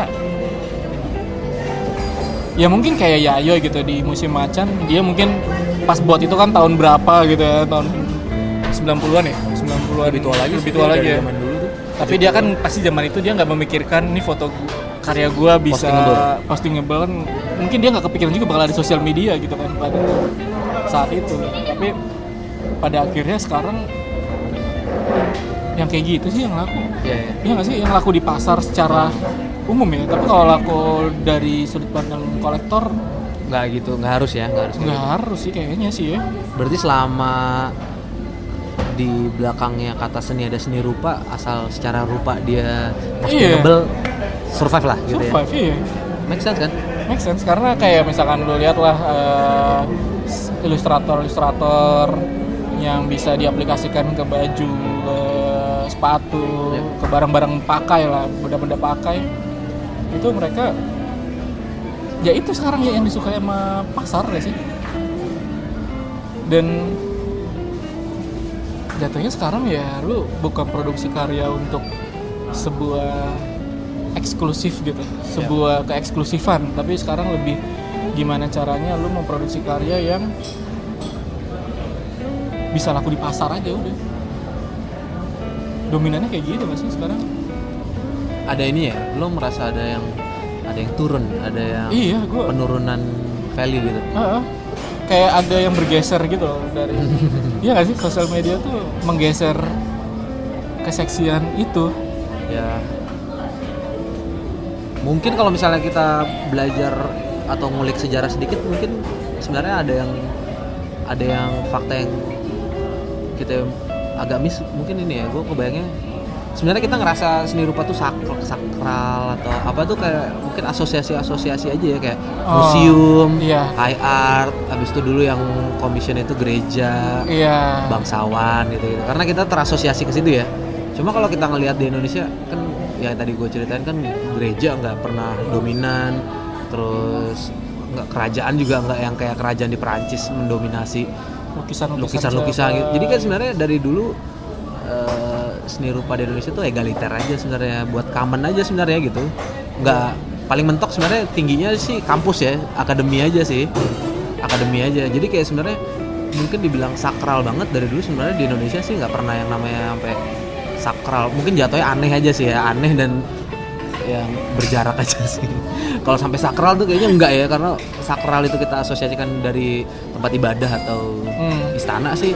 Sebenarnya kita nggak pernah terpapar yang histori kayak gitu gitu. Jadi kita masuknya sebenarnya ideal jadi kita nggak punya beban sejarah yang kayak gitu gitu. Beda kalau misalnya yang di yang dialamin yang di Perancis atau di mana gitu kan di Itali mah beda ya. Mereka pernah ngalamin yang high banget gitu. Hmm. Habis itu ngeliat yang kayak sekarang ilustrator mungkin perasaannya nggak tahu apa gitu ya. ya maksudnya kalau sekarang lihat katedral aja buat tempat eh, jalan-jalan aja gitu. Orang nggak gereja jadi ada perubahan gitu kan. Kalau di kita kayaknya dari dulu memang seni rupa tuh apa ya? Ya konsumsi orang-orang tertentu tapi nggak sakral Tapi ya, paling sakral, itu. jadi kayak paling nggak dia hitungannya lebih ke eksklusif aja lah. Iya. Nah dia turun dari eksklusif jadi nggak segitu eksklusifnya kalau kata gue masih oke lah gitu masih Ah. lumayan lah. Walaupun memang auranya berkurang ya. Auranya? Auranya. Kerasa sih. Auranya. Jadi memang aura yang tur ya gue nggak tahu sih istilahnya aura tuh bisa turun bisa naik ya. Tapi kalau menurut gue juga karena ada pengaruhnya eh gue nggak tahu ya kreatif itu kan sebenarnya umum ya maksudnya nggak nggak cuman ada di seni rupa Ya, ya. nggak cuman Di musik visual juga ada, musik ada, juga ada. bahkan orang biasa pun juga kreatif gitu Harusnya kan iya. harusnya iya Bertahan hidup harusnya bertahan kreatif. hidup mah kreatif kan tapi seni rupa ini aduh tapi, tapi seni rupa ini tuh jadi sedikit bergeser dengan kata-kata kreatif itu sendiri gitu sih maksudnya jadi semacam kreatif kata kreatif itu sema- semacam jadi bumerang. Lu ngapain berseni rupa kalau semua orang kreatif. Semua orang kreatif. Iya nggak sih? Karena lu lihat sosmednya sekarang semua orang seolah-olah bikin Bisa karya jadi seniman. bisa jadi seniman. Eh, apa? Dia bukan di bidang visual pun dia bikin sesuatu yang apa engagementnya bisa tinggi gitu likes-nya segala macam. Padahal dia bukan seniman juga jadi kayak seni rupa tuh udah kata seni rupa tuh udah bergeser. Ya nggak sih? Lu ngerasa itu nggak sih? Kalau itu ya fakta ya. Mungkin kalau misalnya mau diilustrasin lebih misalnya gampangnya gini gue pernah ngobrolin ini juga. Eh, misalnya ada anak jatuh hmm. ya kan lututnya berdarah.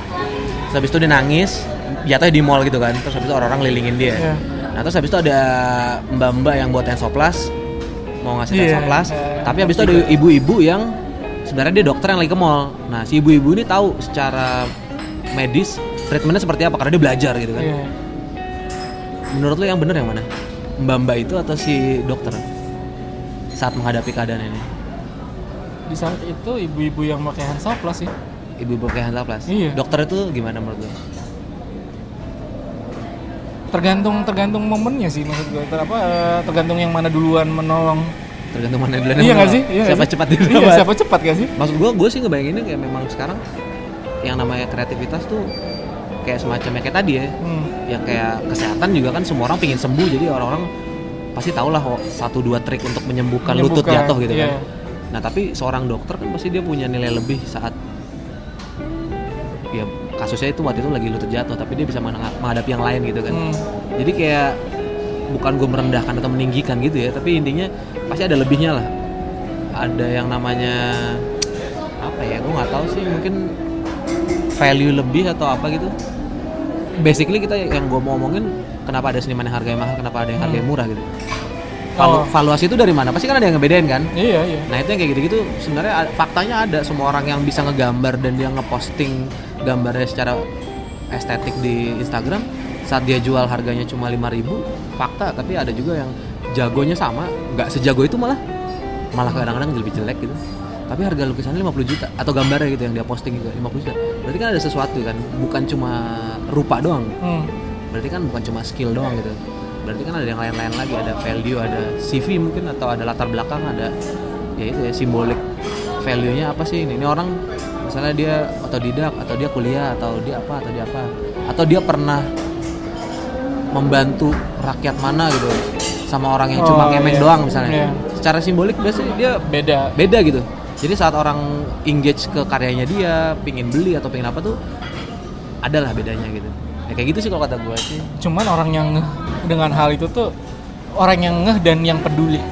Iya, pasti itu gitu kan. itu itu juga kan menuntut pengetahuan ya. Iya dan itu tidak banyak ya. nggak banyak. Jadi kalau pak adu-adu doang mah sebenarnya ya banyak doang mah gampang sekarang. Follower banyak mah gampang.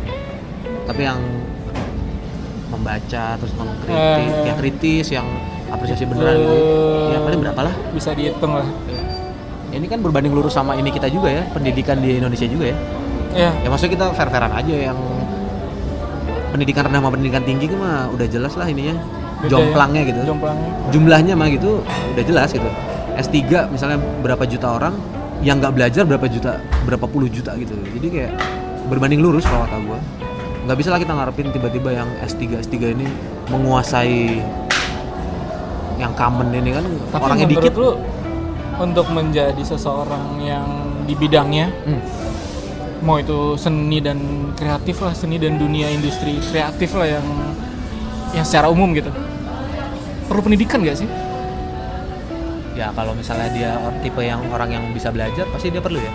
Tapi ada aja orang yang udah kuliah pun nggak belajar sama aja bohong banyak juga sih. Banyak bahkan orang yang nggak sekolah pun jadi kayak nggak sekolah tapi bisa capable juga banyak juga. Iya iya. Sebenarnya basically kan pendidikan kan untuk mengasah itu lo aja ya kapasitas lo belajar gitu loh. Sedangkan belajar kan nggak nggak ada yang Harus bilang di situ, harus ya. di ruangan itu gitu. Kemampuan belajar mas semua orang bisa sebenarnya. Cuma beda-beda aja derajatnya. Banyak kok sekarang orang yang udah apa ya otodidak juga. Pencapaiannya gila banget. Gitu. orang yang belajar juga habis itu nggak dia pakai ilmunya banyak banget juga banyak banget. S3 yang nggak dipakai juga banyak kok. S2 nggak kepake juga banyak. Iya ya sebenarnya fakta ya kayak gitu-gitu. Ya nggak bisa kita harus cari data lah intinya. Gimana tahu yang baik yang mana ya susah juga. Jadi sebenarnya sekarang sesuatu yang baik dan enggak pun jadi rancu ya. Maksudnya baik dalam hal seni rupa baik dalam hal kreatif industri kreatif itu sendiri gitu ya nggak sih maksudnya sekarang yang baiknya kayak gimana yang yang cara yang nggak baiknya kayak gimana juga sekarang jadi blur juga ya dianggap baik tapi ya, beberapa orang melakukan yang tidak baik pun sukses ya. jadi ada kekacauan ya makna tuh kacau gitu ya iya value tuh sekarang- kacau gitu ya value itu sekarang kita jadi agak bingung juga sebenarnya apa yang sekarang value tuh apa valuable apa ya gitu Iya. Dan menurut gua kayak udah nggak ada. ya. Maksudnya bukan nggak ada tapi lebih blur aja, lebih ya pintar-pintar lu nyari pasar aja sih. tapi kan ada aja sih sebenarnya nilai-nilai universal yang nggak pernah mati kayak kebaikan Iya. atau kayak kebenaran atau kayak itu gitu kan Eh, sebenarnya nggak juga. universal kan kebenaran juga nggak juga. bisa nggak universal Iya. memang iya kalau kebaikan lebih universal daripada kebenaran sekarang ya Iya, kebaikan lebih Jangan universal. kebaikan juga yang nggak universal lagi nanti lama-lama. bisa. Baik aja ternyata salah. Hmm. Harus nggak baik ternyata. Kadang baik di dunia nyata, di dunia sosmed, dunia digital belum tentu sama. Bisa gila ya. Bisa gila. Orang tuh emang udah gila sih. Ya memang nggak aneh kalau misalnya sekarang wacananya tuh kan kayaknya Homo sapien mau punah nih. Kiamat bentar lagi gitu. Iya nggak sih? Maksudnya dengan ya kita bukan cuma ngomongin yang dunia sehari-hari ya, kita ngomongin ini ya keputusan-keputusan besar, bikin pabrik, keputusan-keputusan besar eh, hutan dihabisin yang mengubah sistem ekologi gitu-gitu. Faktanya memang Faktanya memang hancur iya. sih hancur ya. Maksudnya Hancur. kita sekarang lagi menuai, maksudnya nggak adil kalau kata gue misalnya cuma si kura si penyu yang kejepit plastik doang yang diekspos gitu. Hmm. Ya lu tahu kan itu yang lagi Tahu. trending banget kurangilah sedotan, ada kura-kura yang nih penyok nih badannya. Hmm. Padahal itu sebenarnya mungkin hanya 10% dari kehancuran yang tingkatnya global loh. Hmm. Yang kita belum tahu tuh banyak banget yang hancur gitu. Dan sebenarnya memang kalau melihat efeknya jangka panjang ya kita jangan ngomongin cuma sedunia sosial media dong. Ya ini mah kepunahan spesies ya mungkin ya. Jangan ngomongin seni rupa doang gitu maksudnya. Ini mah gila banget sebenarnya kekacauan value itu bisa levelnya kayak gitu. Maksudnya sekarang demi keuntungan hutan hancur mah nggak apa-apa gitu. Binatangnya hilang punah mah nggak apa-apa. Yang penting kita untung profit gitu. dan dunia maya ini juga sebenarnya jadi membawa pengaruh besar ke semua hal ya Iya pastilah, apalagi ntar ada AI gitu kan. iya Jadi nanti hutan habis, buminya hancur, post apokalips, manusia mati, AI jadi iya kan Matrix sudah dari tahun 99. dia dia dia udah bisa menebak ya Iya. iya bisa Jadi yang bikin filmnya rap ramal. hutan-hutan tuh udah jadi virtual gitu kan Mungkin. ya bisa jadi ya Kita mau nonton Matrix kan kita nggak ngebayangin tahu, kayak gini. nggak ngebayangin, Ya, iya. Kita ngebayangin tuh kayak fiktif yang wow gitu. Wow. ternyata sekarang mungkin Sekarang kita lagi di dunia itu kayak lagi satu titik nolnya lah. Nanti mungkin tiga titik nolnya kita beneran tidur dan dicolok dan kesadaran tidur dan tiba-tiba hidup gitu Di dunia di virtual. dunia virtual Ya. Anjir, dan ya. kita harus nungguin Keanu Reeves untuk nyelamatin kita the one iya Matrix tuh sebenarnya kalau dia muncul di era eh iya ini semua termasuk penanda zaman juga ya maksudnya jadi Iya, iya. penanda zaman bahwa eh, apa yang terjadi sekarang ini sudah ditebak sama dia gitu beberapa tahun? Dia sudah ngasih peringatan sebenarnya. Itu hampir 20 tahun ya. Robocop. 20 tahun lebih parah juga Robocop lebih dulu lagi. Ya kayak gitulah. Sebenarnya sejak ada yang namanya sci-fi kan peringatannya mah sebenarnya selalu hati-hati punah bos. Dengan adanya robot. Kita mah dulu mah pinginnya kerennya doang ya. Karena sebenarnya dipikir robot ada yang nggak ada siapa ya? Kita jadi iya. misalnya gitu ya gue sih lumayan rada kepikiran ya sebenarnya. Cuma kalau kata bokap gue sih ya paling kita udah mati lah. Hmm. Ya, tapi kan keturunan kita ngalamin itu. Kasihan ya ya udah. Generasi udah beda sih. Maksudnya sekarang konsumsi sudah seluas itu ya ibaratnya dulu kita yang lu bilang tadi kan konsumsi yang 17 plus 18 plus dulu tuh susah kan diem-diem lah lu harus beli majalah atau lu beli apa sih? Kayak eh, tebak-tebakan itu tuh kuis-kuisan buku-buku itu TTS. TTS gitu ya kan. Kalau sekarang kan lu udah tinggal ketik-ketik-ketik situs yang diblok sama pemerintah pun lu tinggal pakai VPN jadi gitu kan. Kebuka gitu. Udah kacau sih. Ini sekarang lu dengan jari aja udah bisa semua men. Ya ya mungkin nanti ada mungkin butuh ini lagi nanti. New world order mungkin iya sama kayak dulu Kimung kan kan gue bantuin S3 dia kan. Ya. dia pokoknya gue lupa kalimatnya gimana tapi emang dia sangat mema apa meyakini bahwa seni itu penting. Seni itu penting gitu seni rupa itu penting segala macam apa dalam kehidupan manusia. Tapi kalau di kalimat itu dibawa sekarang tanda tanya? tanda tanya. Harus diberi fakta dan contoh dulu baru. Kalau dulu ya mungkin ada Bisa contoh. ada dulu bisa disangkut pautkan gitu kan. Kalau sekarang kayaknya enggak ya. Iya nggak sih? Lu setuju nggak sih? Bukan yang paling utama ya? Iya maksudnya jadi bukan ya semenjak sekarang semua serba instan semua orang bisa berkarya semua orang bisa terkenal tanpa pendidikan yang proper ya sekarang makanya gue tanya anak-anak masuk ke jurusan seni rupa masih laku nggak sih? Masih banyak nggak sih? Ya, masih ada aja. Tapi cukup gua tapi gue rasa juga bisa jadi tapi nggak tahu ya maksudnya penurunan atau kenaikan sekarang kayaknya menurut gue kalau gue lihat dari situasinya sih sekarang kayaknya menurun gak sih? Nggak juga ya? Gue nggak tahu sih kalau datanya tapi kelihatannya 2003 orang eh 2000 3000 orang mah ada sih kayaknya.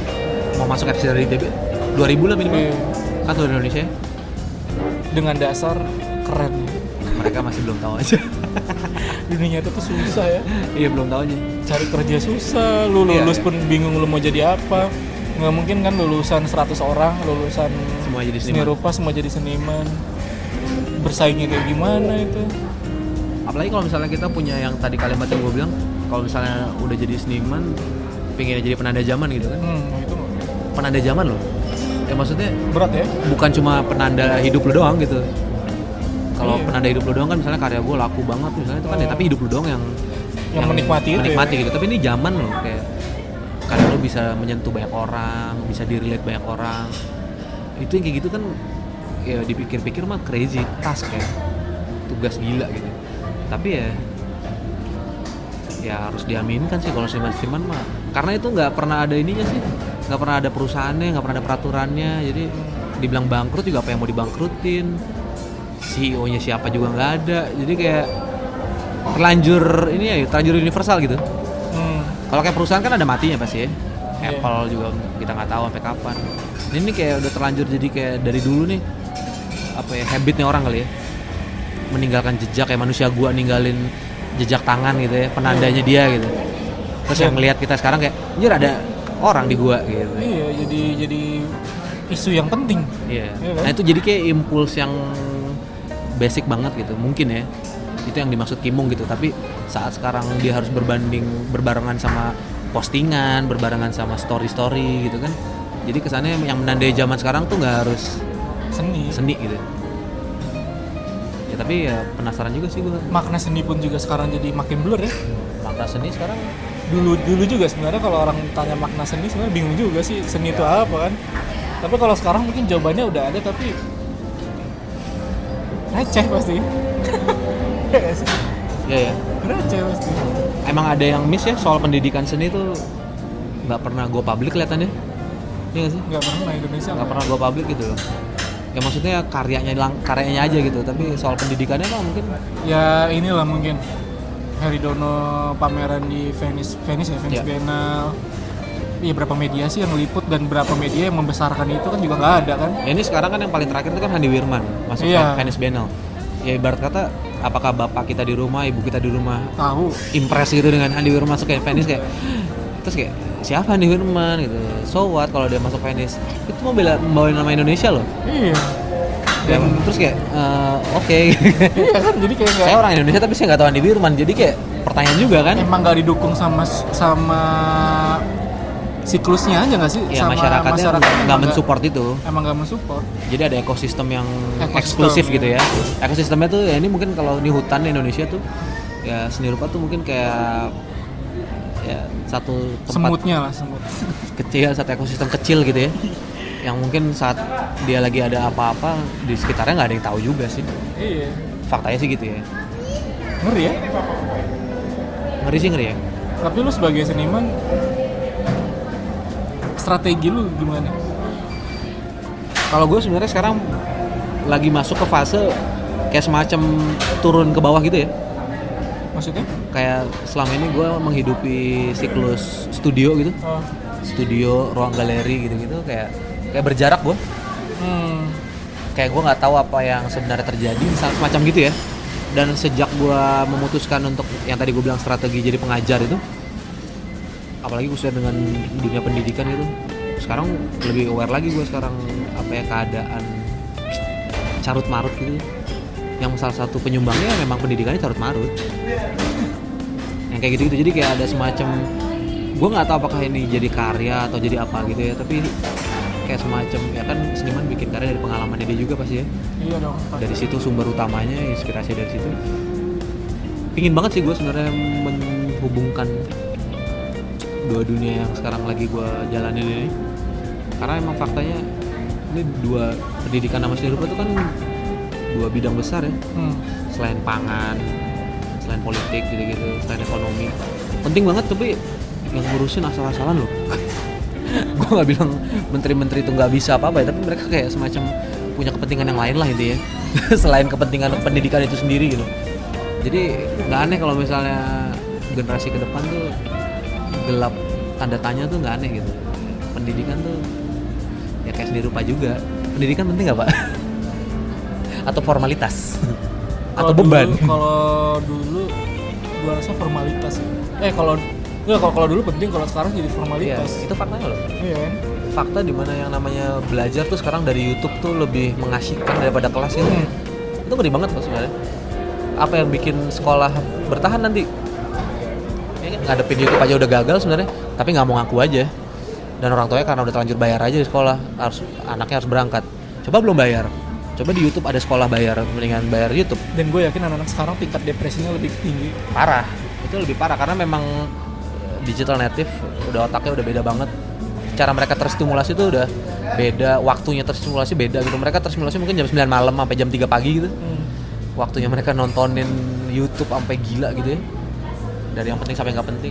Eh ini disuruh bangun jam 7 itu aja udah stres men.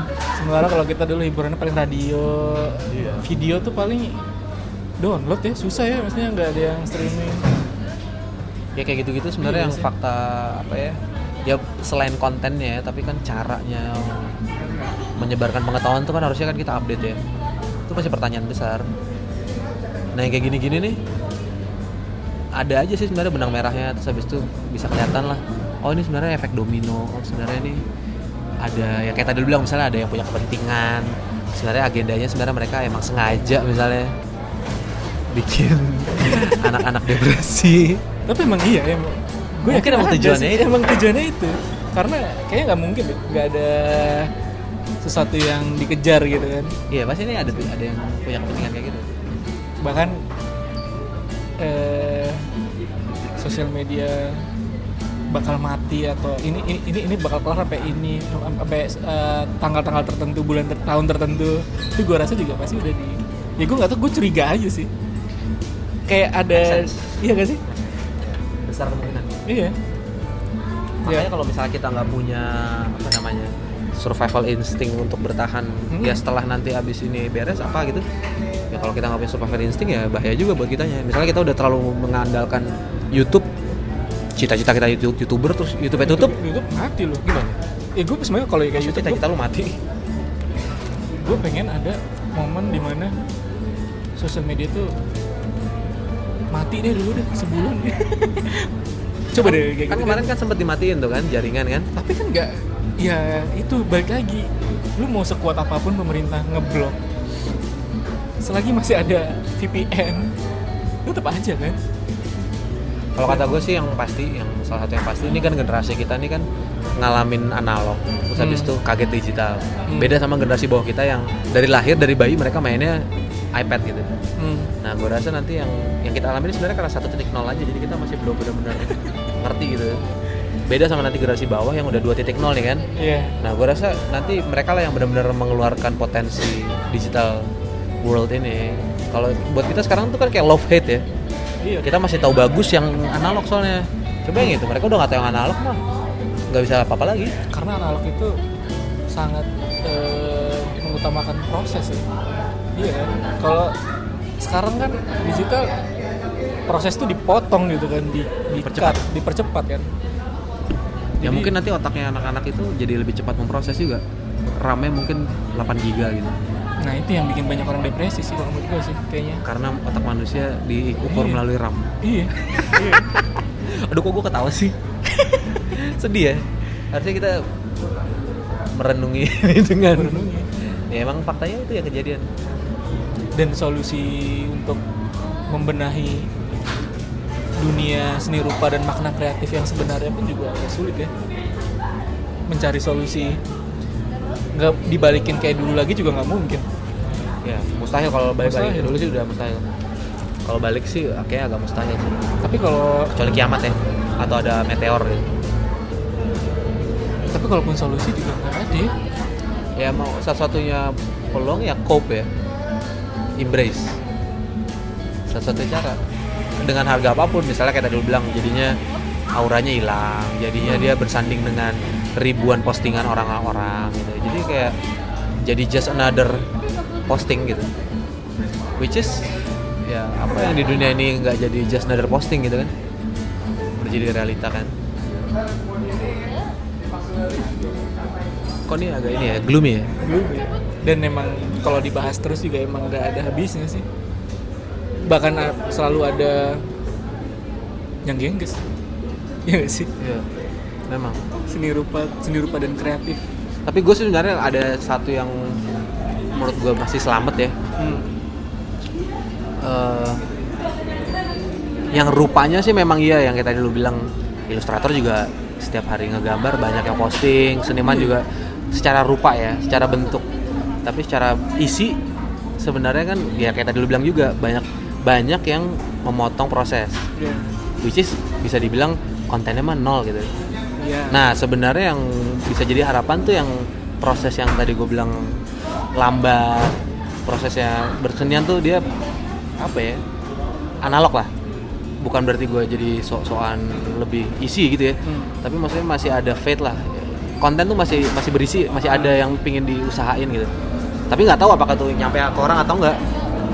Tapi dibandingin misalnya yang cuma posting tanpa konten, lumayan lah. Lumayan. Lumayan. Misalnya lu terakhir kali punya aha gitu ya lihat kontennya karya orang ada sempet ya enggak ya. Enggak juga ya? enggak juga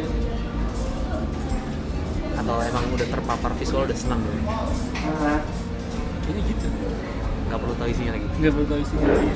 karena ya lu kan main sosmed scroll scroll. Jadi sekarang tuh eh, adu-aduan gimana lu bisa cepet tapi berisi. Gimana caranya? Misalnya misalnya ini podcast ini nih.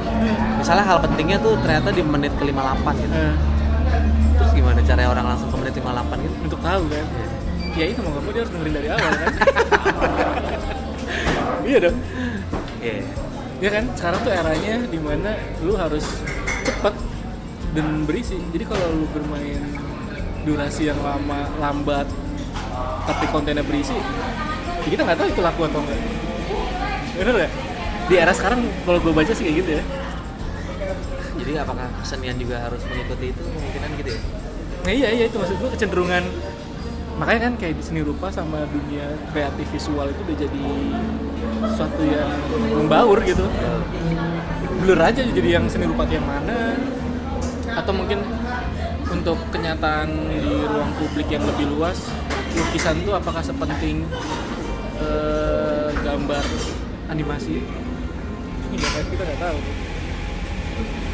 Apakah eh, seni lukis bisa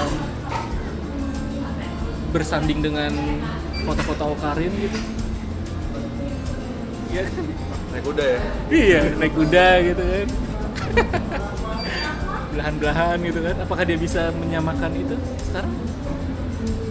Iya, soalnya lu audiens lu sekarang tuh udah generasi gila. Makanya kayak shallow ya iya, makanya kayak pendidikan seni rupa tuh apakah bisa bertahan di generasi yang shallow ini hmm, mungkin mereka bakal masuk tapi bikin artnya yang shallow juga. Buat generasi mereka. Win-win kan? Win-win lah. Jangan bikin yang berat-berat. Bisa jadi kayak apa yang dilakukan Awkarin itu jadi art. jadi art. Buat generasi mereka. Mudah-mudahan setelah kita mati ya. Biar kita nggak melihat. Iya biar kita nggak gibah. Kalau kita lihat kan. Karena sebenarnya era sekarang tuh banget buat digibahin sama orang-orang dulu. Iya. Basically kan era kita juga digibahin sama generasi bapak kita. Pasti. Wah kalian mah enak. Iya dulu kita mah Kita susah. mah- dulu mah kita makan aja susah. Sekarang mah kalian buang-buang. Sekarang kita nggak ngomongin makanan kita ngomongin oh kalian mah enak postingnya cepat dulu mah kita mau buat pameran susah. Iya iya sekarang jelasnya soal itu ya. Itu nyata kan nyata men nyata jadi nyata sekarang buat terkenal lu nggak pasti pameran. Iya gibah lu tinggal tinggal pamerin aja ya. Tinggal lu pamerin. Di sosmed eh bisa. Lu terkenal ini Udah, ya kenyataan generasi gitulah dan nggak ada habisnya sih. Kemarin tuh yang sebenarnya lucu tuh di di kampus tuh anak-anak tuh selisihnya tuh 10 tahun gitu dari gua. Oh gitu? angkatan 2015 jadul banget.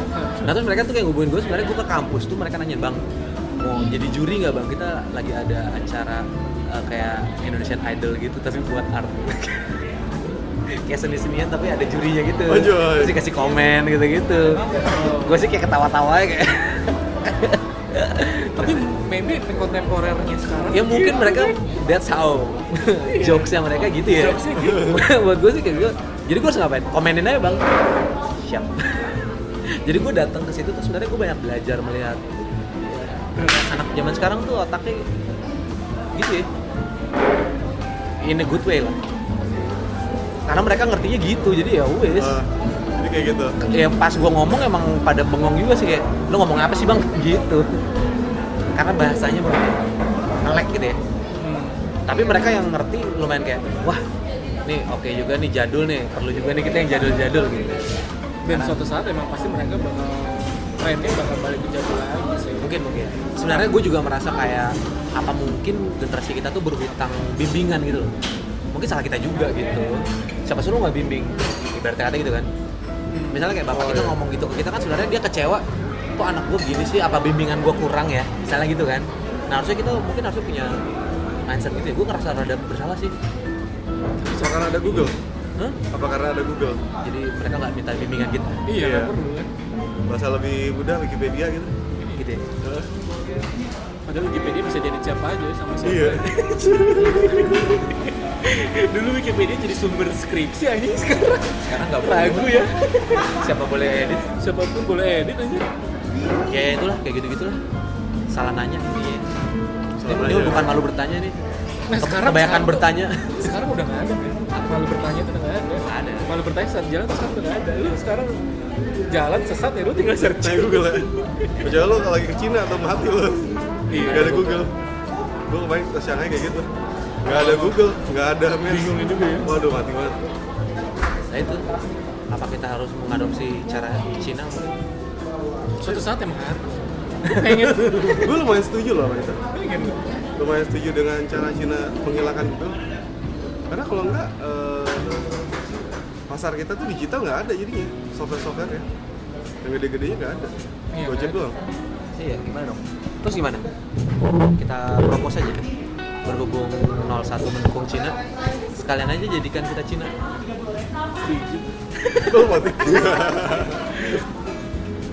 Ya sebenarnya sama aja kayak dulu ya. Mungkin bapak-bapak kita pengennya balik ke era dia gitu kan. Kita sekarang pengennya era sekarang balik ke era kita. Dan mungkin di bawah Iya, kita juga mungkin pas saat di era nanti yang kita nggak tahu segede apa digital itu berbalik kayak kayaknya era YouTube zamannya Ata enak. Kita nggak pernah tahu kan? Oh iya benar juga loh, benar juga. 10 tahun ke depan Nggak tahu nggak ada yang tahu loh. Au- Mungkin- Aukarin aja udah legendary banget ya iya jadi kayak enaknya era-era Aukarin nangis Ih, nangis kalian mah sekarang mah cupu, nggak kayak dulu. Ada Aukarin, Atta, wah itu keren-keren banget. iya kan? Kita nggak pernah tahu kan? Tapi Ada Raffi Ahmad. Kalau ngelihat polanya sih bakal kayak gitu sih. Sudah terlambat, sudah terlanjur mereka menjadi influencer. iya Ya, bisa jadi kayak gitu ya, terus kayak karya-karyanya mereka melukis-melukis Aukarin gitu misalnya. Ya, makanya Foto-fotonya kata Andri mirip-mirip ntar. Aukarin jadi seniman dah. iya Benar juga. Karena nggak ada rekomendasi lain ya? Referensi lain nggak ada? karena mereka udah punya privilege aja sih. Iya nggak sih? Secara publik. Oh iya secara publik mereka udah terkenal mereka udah bikin apa aja udah oh kakak kakak gitu kan. Jadi Iya. mereka bikin sus, keren lukis apa? Di gal- mereka bikin pameran tinggal bayar berapa galerinya pasti galeri mau dong. Gue tadi tuh ke Gramedia terus habis itu gue nyangkut di satu buku tapi gue nggak baca sih, tapi judulnya aja matinya kepakaran. Oh. Jadi kepakaran tuh mati kalau kata bukunya. Gue kayak nggak usah baca bukunya juga kayak emang anjir.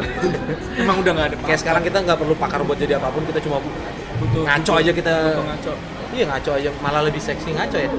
Iya. Viral tuh kan lebih ngaco lebih viral. Iya. Makin stupid makin viral. kayak kemarin pas zaman MK sidang MK yang viral tuh siapa yang anak kecil cuman beli ikan cupang Hmm? ada dia dia, dia trending nomor satu di YouTube Apa yang dilakukan?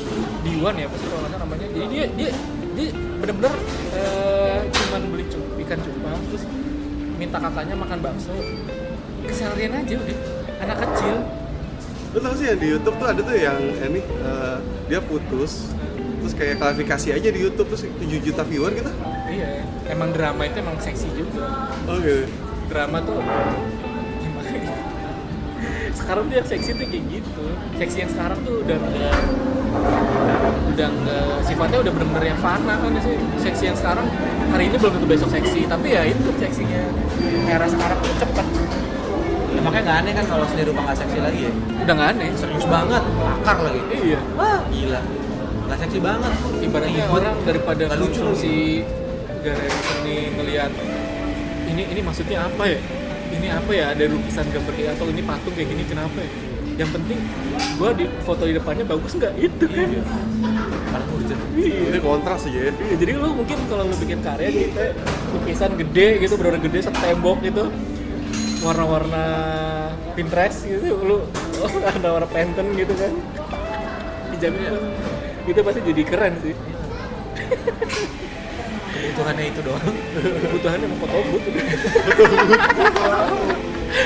iya kan iya, kayak sekarang karya seni paling mantap di foto booth ya. foto booth Kayak Moja Museum, apalagi macam-macam Mister Pong juga ada yang baru lagi tuh.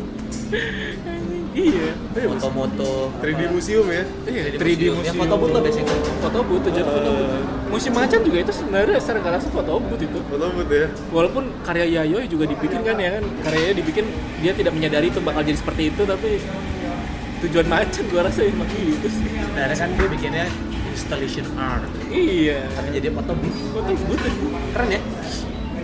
Ini yang gibah sih sebenarnya, tapi ya faktanya gini. faktanya kan ya nggak tahu kalau di luar kita tadi kita lihat di Instagram Ziko juga kan. Hah? pameran di sana foto-fotonya juga kayaknya emang lebih mengapresiasi. Singapura ya, Singapura kelihatannya apresiasinya masih tinggi lah ya. mungkin. Ya. orang masih bisa agak lama di depan karya untuk melihat dan merenungi dan apalah pokoknya berpikir ya kan? Kalau sini nggak pakai lama kalau di sini nggak pakai lama men yang penting Lama men, take-nya kan berapa kali? Oh, iya. eh gantian gantian Nungguin gitu dulu. ya. Ngantri foto gantian. Iya, Itu gendut, gue ya. ngantri sih. Dia yoi gue ngantri foto. Padahal gue gak mau foto, gue mau ngeliat-liat. Mas udah belum fotonya? Saya nggak mau foto, saya mau lihat-lihat doang. Tapi udah satu menit mas.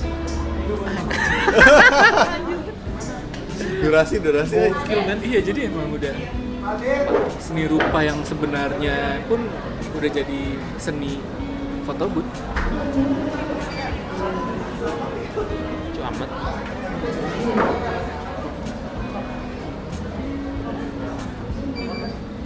karena sekarang orang udah kebutuhan konten itu udah penting banget gitu Tapi ini memang pernah terjadi juga sih. Ini tuh sebenarnya bukan isu baru ya. di Eropa tuh pernah terjadi kayak gini matinya apa ya ya pokoknya culture tuh jadi high culture tuh jadi kayak lo kayak the death of high culture gitu low-nya tuh low parah gitu. Sering terjadi. Dan memang faktanya nanti lama-lama yang low ini jadi high-nya. Street, ya. street art street culture. Basquiat itu harfiah dulu. Street itu harfiah men. Sekarang basket harganya berapa anjir? Cat herring itu berapa ya? Fakta mereka dari low jadi high itu ya kita lihat tinggal buku sejarah sedikit lah. Nah, banyak yang kan kejadian juga kayak gitu. gitu. Supreme kan low. Supreme juga. Street kan cuma masalahnya low-nya kita tuh awal karir jadi gue nggak tahu.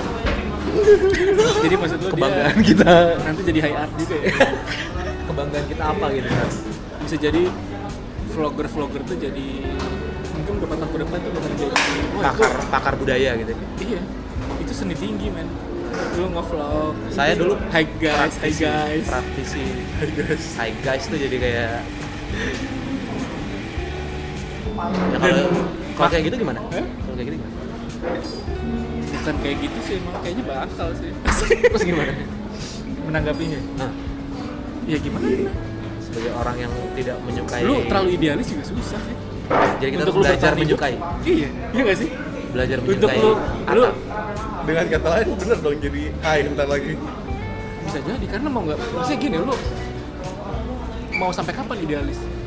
Apakah itu bisa menghidupi lu kadang kan harus ego tuh harus diturunin nih. masalahnya sekarang lawannya idealis tuh bukannya permisif sekarang lawannya idealis tuh bodoh gitu loh. Iya. Ya gimana? Ya misalnya kalau setuju gua. pilihannya kalau dulu tuh idealis sama lebih komersil misalnya. Iya. idealis lawannya permisif boleh aja gitu. Iya. sekarang tuh lawan idealis tuh bodoh. Jadi lo harus lu pinter pun lo harus membodohi diri lu dulu biar lu bisa menikmati itu. Gimana? Dong iya. Bodoh kan rasanya kayak kalau orang bodoh kan nggak nyadar dia bodoh ya. Tapi kalau orang pinter kan nyadar kalau itu bodoh gimana rasanya Ray? rasanya susah. Rasanya menikmati kebodohan tuh gimana gitu? Merayakan kebodohan. Tapi ini masalah rasa. Masalah apa? Masalah rasa kalau Iya. seni itu. Nggak maksudnya buat kita bisa engage kan pakai rasa kan? Ah. biar kita bisa engage sama yang bodoh kan? Kalau kita misalnya pinter gimana caranya merasakan yang bodoh kalau lo nggak bisa ngerasain gimana caranya? Waduh. Iya, misalnya kayak misalnya gue mau bikin kesenian yang bodoh gitu. Pasti susah. Tapi dengan tujuan bertahan hidup. Iya. Demi bertahan hidup ya, nah itu gimana? Ya, mungkin gue harus belajar sih memang. Iya belajar sih? bodoh tuh penting sih mungkin ya. Iya nggak sih? Iya nggak sih? Belajar bodoh. soalnya lu kalau nggak ngikutin ya sekarang men lu kerjaan sosial media aja udah jadi kerjaan kantoran gitu kan? Iya benar.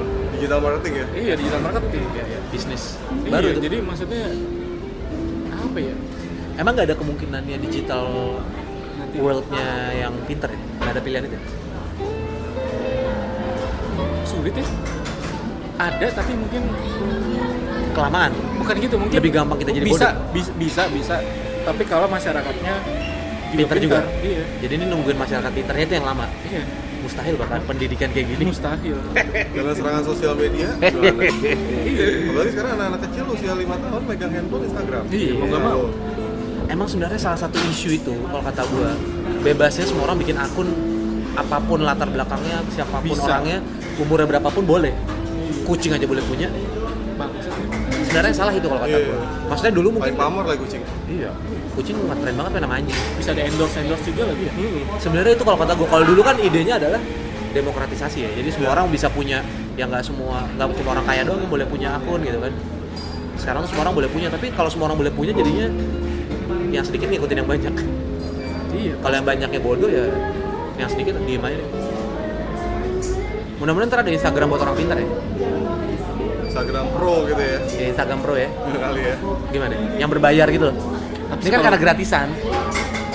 Tapi belum tentu. Belum tentu. kalau misalkan di era itu mayoritas orang kaya gimana? kita emang kayaknya harus disudahi sih padahal Iya, lagi lagi. mau gibah apa nih? Apa tadi gua ngomong apa ya? Kalau semua mayoritas orang Iya, kalau misalkan ternyata mayoritas orang sekarang, iya lu lihat aja Supreme aja yang beli kaos harga jutaan aja sekarang. Antrinya panjang pak. Yes, ternyata Supreme itu yang backup? Orang jualan senjata loh. Dagang senjata nyata lah jualannya banyak. Jadi dia bisa manipulasi marketnya levelnya itu ya? Levelnya itu ternyata. Terus gue nonton di itu di uh. Netflix. Netflix. ada yang orang India gue lupa namanya siapa. Dia bahas tentang ya. Siapa tadi kalau lu Eh, Instagram Pro enggak kalau gue justru pengennya mending di remake sih. Remake. itu iya di, Remake. di remake. remake iya. Di benar-benar dibikin ulang. Jadi apa? mungkin ya gue nggak tahu mau jadi apa tapi ya kayak pet lah. Kayak pet tuh dulu kan sampah banget. Kan dia nggak ada oke. Eh muncul Instagram dengan metode yang sama nih. Sekarang. Kalau dulu kan emang buat ngupload image buat ngupload foto yang emang penting. Sekarang jadi sama aja kan? Sebenarnya ya sosial media tuh Katanya likes bakal nggak ada ya? Iya, Amin sih, Likes Biar, mau biar orang-orang gak gila. Ini emang kita harus udah udahin ini emang kayaknya Nggak sih karena lagi rame. Gak mungkin tuh. Cuman suaranya dikerasin ya. Dari tadi mati by the way Bang. Emang nggak dijalan tadi? Enggak, bukan mati kan kecil ya? Iya. Oh ada ya? ya udah ya lagi Mungkin ada request kali, suaranya gede. Juga ini orang-orang ini bertiga nih ngapain sih kayak gitu Nah itu. IG story, IG story. oh iya Awkward jadi harus ada lagu backsoundnya Oke. Hemat. emang gue pengennya nggak ada sih sosmed tapi mau nggak mau kan ada jadi kan mau nggak mau kita harus menyesuaikan kan ya mau gimana Gue nggak masalah nggak punya sosmed sama sama kalau gue sekarang iya Tapi WhatsApp aja sekarang ada status loh. bahkan nanti WhatsApp mau ada iklan Ah, Iya, serius? di tapi bukan di dalam chatnya sih katanya di Statusnya? status Dikecilin enggak cuy Digedein. digedein cuy. Baru sadar tadi gak gede Status tuh apa? Iya, status WhatsApp WhatsApp status. ada Oh status iya. kan Ya, nah jadi itu udah mau ada kayak iklan IG story. Itu mau diselipin iklan. Ya sebenarnya kan kalau logikanya mereka sebagai produsen kan mana yang paling melayani customer aja. Bisnis ya. bisnis. Mana yang paling menjual. Kalau misalnya itu bikin orang seneng dijual. Tapi bikin orang pintar belum tentu. Nah ya makanya kan lu mau mempertanyakan. Sebenarnya emang kita nggak bisa ngarepin mereka bikin orang pintar sih Itu yang Nggak. salahnya kita tuh. Orang tuh harusnya pintar di sekolah gitu kayak Masa orang ngarepin pintar di Youtube? Ada sih, cuma oh atau atau ini atau atau itu Iya, karena iya, ada pengaruhnya pendidikan di kita tuh pendidikan kita tuh ranking banget ya berdasarkan ranking. Maksudnya berdasarkan angka gitu. Jadi orang berlomba-lomba untuk dapat angka yang tinggi. Ada pengaruhnya nggak sih? Kayaknya ada deh. Pastilah soalnya dulu kan di mana lu nggak lu matematika lu jelek bahasa Indonesia dan lain-lainnya bagus nih ada satu mata pelajaran yang jelek ya lu dibilang bodoh juga. Kan lu bisa nggak naik kelas bahkan. Mungkin karena kita selalu terpapar dengan nilai yang bagus harus nilai yang bagus nilai yang bagus. Jadi traffic pun jadi angka-angka itu jadi penting Iya, iya. Gua setuju- tapi gue setuju loh. iya nggak sih Di budaya timur itu angka itu penting. penting kan jadi Kayak 13, 4, makanya likes toggle. lu bakal stres mungkin kalau likes lu dikit Nah, karena ada angkanya. ada angkanya men jadi emang kita dari kecil tuh emang terbiasa kayak ayo nak kamu jadi ranking nak kamu harus dapat ranking bagus nak gitu kan Gitu ya? belajar yang bagus Iya, nilai Psikolo- kamu kok 5, psikologi ya. kamu harus Iya 9 nggak sih? gitu ya. jadi angka-angka itu jadi sesuatu yang penting Bahaya banget ya. Iya kan sih jadi emang bibitnya dari awal kita tuh emang udah di angka itu harus bagus jadi emang kayaknya Angka pertemanan, angka likes. iya dan basically lu tau kan angka itu kan sesuatu yang paling mendekati abstrak di dunia itu angka sama nada Eh? sama suara maksudnya abstrak dalam artian itu kan sebenarnya nggak ada men Iya benar. Kalau kita percaya nada banget juga ya. nggak ada kan apa coba not itu apa nggak ada kan nggak ada kalau misalnya kayak warna kan masih ada lah. Eh, ini merah di mata kita merah ya. Coba angka apa coba? Angka apa men angka dong aja abstrak. Jadi bisa dimanipulasi. Ya, jawaban esai, makanya ada angka terus jawabannya. makanya ada ini beli follower. Iya jadi makanya angka tuh bisa dipergunakan dengan se- semena-mena men siapa juga bisa mengaku-ngaku. Bisa dibisnisin ya angka itu ya. bisa Paling- di bisnis ini ya paling penting angka satu paling bahaya angka 13 paling bagus ada berapa puluh M nya di belakangnya Padahal kayak misalkan hal simpel follower. Mungkin misalkan ini apa sih Ombe, ya? Ombe Coffee. Instagramnya followernya ratusan ribu. Apakah itu berbanding lurus dengan penghasilannya? Belum tentu padahal. Tapi kan yang penting angka itu Iya. keren. Mungkin kalau orang yang pintar bukan dilihat dari angka itunya kali ya.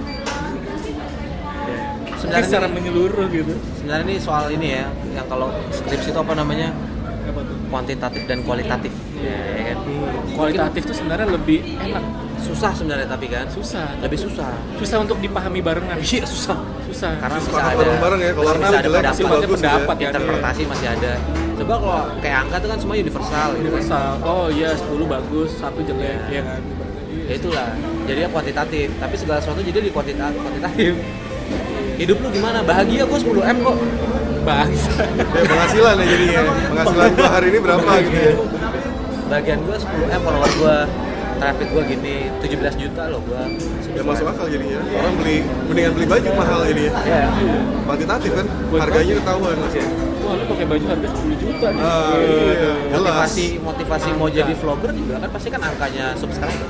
Berarti emang nggak ada yang mau pengen angka subscriber 5 penjahat sebenarnya itu angka ya oh iya benar juga ya. Dia abstrak dia nggak tahu apa apa gak tau apa-apa. Dan itu abstrak. Bahkan Dia dia nggak- bisa dia nggak- merubah bisa merubah jauhin aja. Oh dijauhin nih bahkan angka itu bisa merubah makna seni rupa dan kreatif. Jadi blur. Iya. Yang kualitatif jadi kuantitatif. Iya kualitatif jadi kuantitatif. Serem banget ya. Serem. Angka berarti iya jadi lu udah pingin ngebikin dunia digital nggak ada lu mau bikin angka nggak ada? Masalah dunia digital dari angka nek. Biner. Biner. IT itu biner. Gimana dong? Angka semua. Angka semua Gimana dong? angka semua angka. Jadi sekalian emang? Bilangan biner emang. Hilangkan angka maka dunia digital akan hilang. Ya benar. Gitu? Benar benar benar. Jadi gimana? Kita sekarang mau kita bongkar kita tuh bunuh angka nih. Butuhnya butuh Thanos. Sebelum Sebelum Thanos. angka iya. cetekin angka ya. Jadi Sebelum orang belajar kan emang nggak ada angka darah apa? Nggak ada angkanya. Nggak ada. Emang IT itu udah angka semua sih. Semua yang berbau sosmed udah berbau angka semua sih. Gak ada sih yang enggak. Traffic semua pasti angka.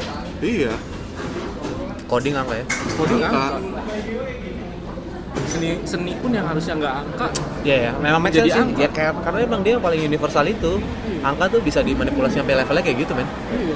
Sampai bisa bikin dunia sendiri. di dunia udah Matrix angka, men. iya Dunia angka aja. Nggak ada di sini, ya nggak ada di sini. Kita nggak pernah bisa akses. Makanya Thanos tuh penting. Aduh, kapan Thanos datang nih? Iya, tek angka hilang. Waduh, semua berubah. Gue yakin Win-win. Angka kalau hilang itu semuanya berubah sih. Kebahagiaan Tapi kita kan meningkat. Kebahagiaan kita meningkat. Jadi berapa M? Oh, udah nggak pakai angka. Udah nggak nggak pakai angka Udah nggak ada bahagia hitung-hitungan. tidak bahagia aja Iya. Tidak bahagia, titik kualitatif. kan balik lagi kayak gini bisa makan nggak bisa makan bisa makan tuh bahagia nggak bisa makan tuh sedih atau kayak perkembangan manusia bisa ngomong gitu Ya, itu perkembangan jadi kan Iya. Berarti semua penyebabnya angka. gitu. angka ya hebat banget angka Iya, kita jadi menemukan satu penyebab. Kasihan, men. Oke, Siapa pen- penemu angka? berarti begitu Dari Arab, berarti harus ada penemuan yang lain berarti kan harusnya kan artificial intelligence nih Artificial intelligence berarti menemukan sesuatu yang bukan angka berarti Harusnya. Nah, itu yang akan menggantikan angka jadi zaman purba ini yang hal baru ini Iya. Atau mungkin orang pintar nanti itu adalah orang yang bisa bukan angka lagi mengalihkan angka. Eh, Ya, setahu gue yang komputer super yang dikembangin itu kan dia sekarang bukan 1.0 tapi yang kondisinya quantum flux itu apa sih namanya? ya sekarang lagi ngomongin quantum ya Jadi qubit itu kan. Jadi bukan bit doang, bukan 1 0 tapi dia 1 dan 0 dan berubah di saat yang bersamaan gitu. Dan sekarang 24 qubit aja udah bisa ngontrol pesawat jet gitu loh. Qu- quantum udah nggak ngomongin tentang tentang angka sih Ya itu. Mungkin nextnya kita harus belajar dari alien-alien ya. Belajar iya dari quantum next tapi endgame quantum malah merusak ya. jadi jadi nggak ada film yang bagus lagi. ya ya quantum lah. iya quantum berarti selain angka ini berarti di dunia quantum kan gimana ya bukan likes lagi apa tapi ngomongin pas sosial media Interstellar. Ya mungkin sekarang, mungkin nanti ngomongin apa segala hal jadi sosial media kali. iya kali ya Mungkin kan kan? Maksudnya avatar ini iya. Ibaratnya apa ya? Mungkin apa yang kita lihat sekarang tuh mungkin semuanya jadi sosmed. Mungkin semuanya jadi lu belanja tuh tinggal datang ke toko, semuanya nggak ada orang, lu cuma digital chatting chatting chatting keluar gitu. Dan lu mungkin bisa chatting, semua serba chatting, semua serba Tapi barternya apa ya? data kali Hah? Data. Apa? Jadi kalau orang yang udah nggak bisa ngikutin itu udah pasti mati. Black Mirror ya Ini Black Mirror.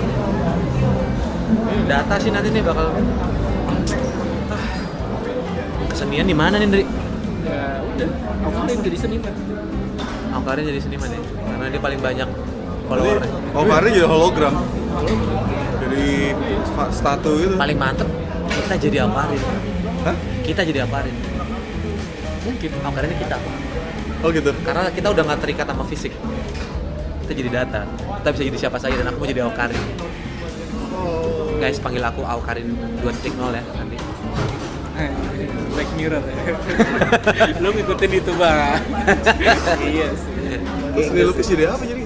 aduh seni lukis jadi apa ya aku akan bertahan sampai ujungnya saja deh mudah-mudahan Makanya kan balik lagi pertanyaannya. mumpung masih bisa itu? puas-puasin Iya. Kan mungkin generasi nanti Kayak semua orang adalah seniman. Nanti ada pengertian seni adalah seni adalah semua orang yang melakukan sesuatu dan viral. Maybe pengertian seni nanti jadi kayak gitu. Siapa seniman? Semua orang. iya itu mah doanya dari dulu gitu ya tapi pas sudah jadi kayak gitu nyesel juga ya jangan deh jangan Iya. semua orang Iya, jadi udah ya. Gitu. kenapa begini ya Ya karena dari dulu ya itu angka. Iya Angka ya? Angka dong. Dulu sejak ketemukan barter berarti. Iya. Lu eh ya itulah. Lu dianggap bego kalau angka lu kecil. Lu akan dianggap pintar dan dianggap lu punya masa depan yang cerah kalau angka lu tinggi. IQ ya, IQ nya angka ya. ukuran penis juga gitu ya angka ya Angka.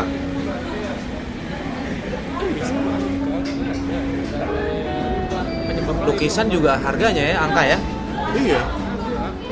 Coba kalau misalkan lukisan yang tinggi adalah lukisan yang bisa dibarter dengan beras sekian. mantep tuh Banyak Itu pernah kepikiran ya lo?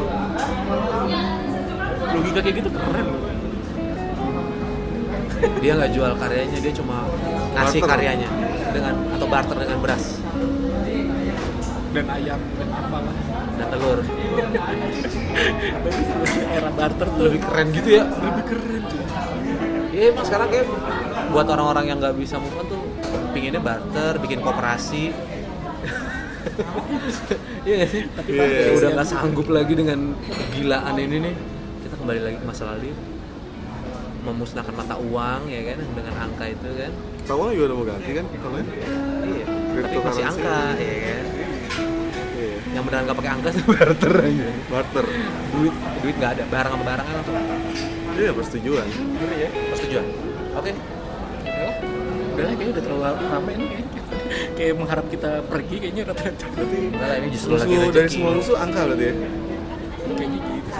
Semua semuanya itu angka penyebabnya. Orang menjadi gila tuh karena angka.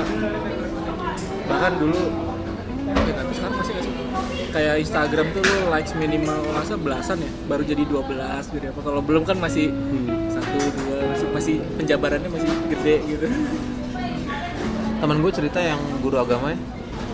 S2 di Belanda dia mau ngambil gitu ya. Nah si spesialisasinya S2 teologi di Belanda ini ya dia pendekatannya kuantitatif.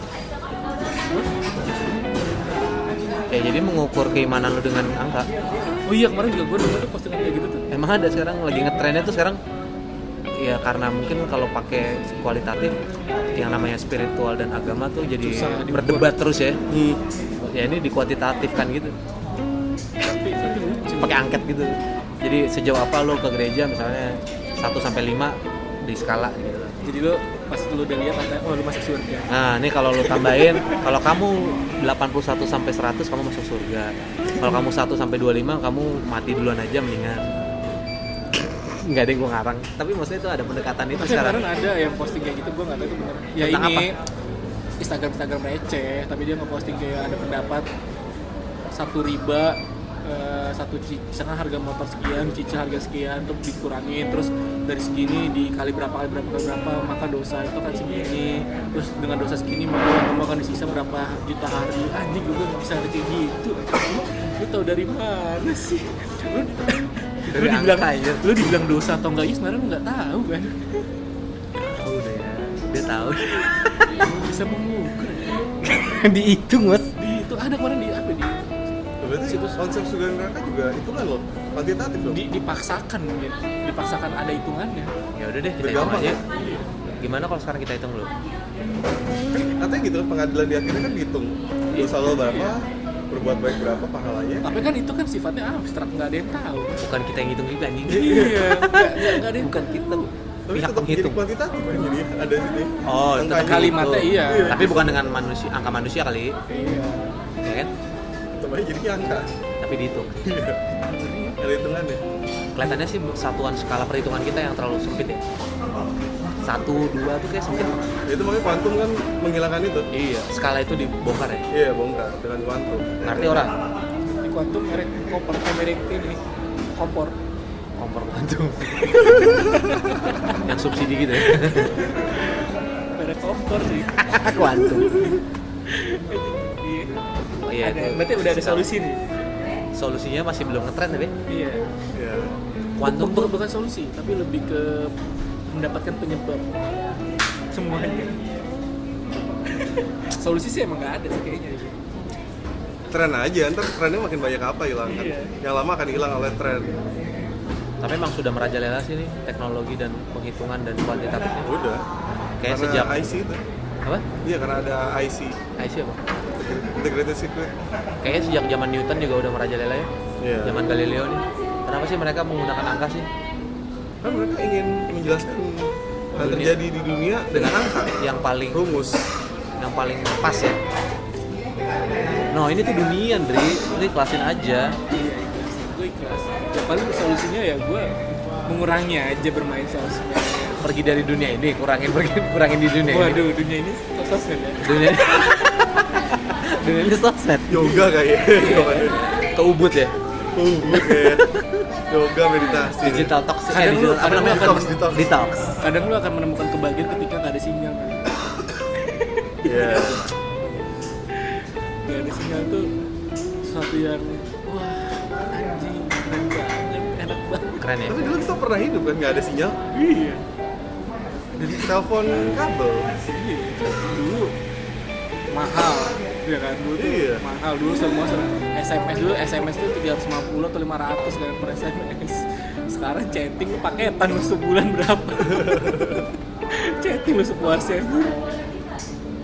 Iya. sinyal tuh eh iya. Mungkin cara satu cara untuk mematikan angka adalah sinyal mati. Mematikan BT tower BT tower yang ada di sekeliling kita. Sinyal Iya, nggak ada sinyal nggak ada. Jaringan ya? ah, jaringan nggak ada. Angka pun juga perlahan akan berubah.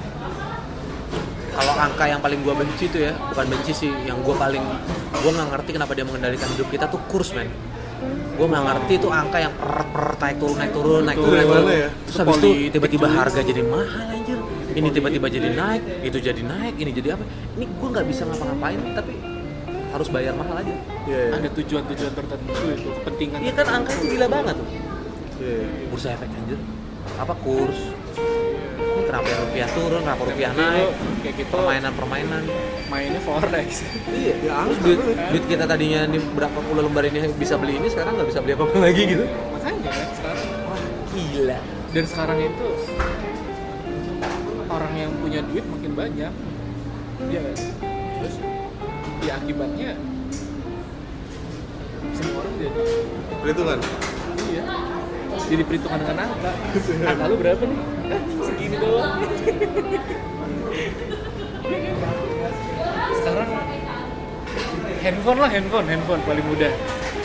Orang yang nggak punya uang misalnya orang yang keterbatasan uang sekarang dipermudah dengan metode kredit. Semua orang bisa beli handphone mahal. Nmax. Nmax tuh dulu jadi motor yang mewah kan. Masa pada era awal-awal dia oh, punya Nmax pasti orang kaya segala macam motornya enak banget. Sekarang lihat aja di jalanan mana-mana ya? Di mana-mana Gojek pakai Nmax. Angka tuh udah bisa diusahakan men. Udah bisa dikejar. Jadi maksudnya udah nggak apa ya? Biar ada angka jadi ada cicilan ya? Iya angka Bayaran tuh, nanti angka ya. tuh bisa diperbesar dengan metode banyak cara. Jadi ya udah. Emang ya memang kalau dimensi yang bisa diperbesar ya itu ya. Kalau yang kualitatif kan susah ya. Nggak bisa. Kebahagiaan kedamaian itu Iya, kan nggak bisa iya. diapa-apain ya? Kebahagiaan itu akan digantikan dengan kuantitas iya sih. Lu akan bahagia kalau harga pesawat murah traveling gitu kan? Iya. itu kebahagiaan kan? Itu follower lu banyak lu bisa bahagia. Ke follower lu naik bahagia ya kebahagiaan dari asosiasinya harus gitu ya. Jangan-jangan dari dulu gitu jangan-jangan. Kayaknya dulu kan masih itu kan masih ngeliat pegunungan indah bahagia gitu. sebenarnya dulu juga udah lumayan kayak gitu. Jadi abis ngeliat gunung apa yang bisa gua tebak bisa gua jual? Udah nyampe sini ya? Iya kan? sayang kalau nggak Wah. ya misalnya kalau gue punya kotak-kotak dagang kan ini bisa jadi perkebunan teh nih. ya? Jangan cuma diliatin doang. Yang penting ada yang penting ada angka yang banyak. Bisa menguntungkan. Wah ini sawah luas nih bisa gue jadiin kapling nih. Nah, ya kan? Bener juga sih kaplingnya itu udah angka loh. Kapling kapling tuh gila kan kapling kapling nah ya kalau nggak ada angka IT berarti nggak ada dong. Wah, Iya. ya udah hilang udah Selesai. selesai. Orang Arab yang dulu menemukan itu menemukan nol ya. Apakah kita harus tegur dia ya tolong jangan lakukan itu pak. Satu satu apa satu penemuan itu bisa mengakibatkan se- sejauh ini kan? coba kalau nggak ada nol beda cerita nih kita. Hmm? ya nggak ada nol aja kan? Dimulai dari angka satu. Itu aja udah beda. iya kan? Sebenarnya dulu kan emang dimulai dari satu. Habis itu nol ditemuin iya. Jadi logikanya jadi crazy. Jadi ibaratnya Iya. dan sekarang ditambah lagi itu ada minus. Coba kalau nggak ada minus. Mungkin pemaknaannya jadi beda kan sekarang jadi bisa ada yang lakuannya minus dan oh iya benar minus positif ya? Iya. Kan? Kuantitatif juga jadi. Aduh gila loh. Salah ya. Terima kasih sudah menemukan tapi seandainya kamu hidup lebih lama coba tolong tanggung penemuanmu sendiri.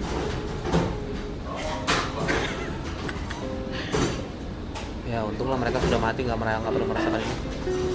Dan mungkin penemuan-penemuan sekarang pun bisa menyebabkan kayak gitu juga. Kayak gitu juga di beberapa ratus puluh tahun gitu tuh mungkin ya kita Iya. nggak pernah tahu. Lu takut nggak kalau ternyata ntar podcast bisa menyebabkan kiamat?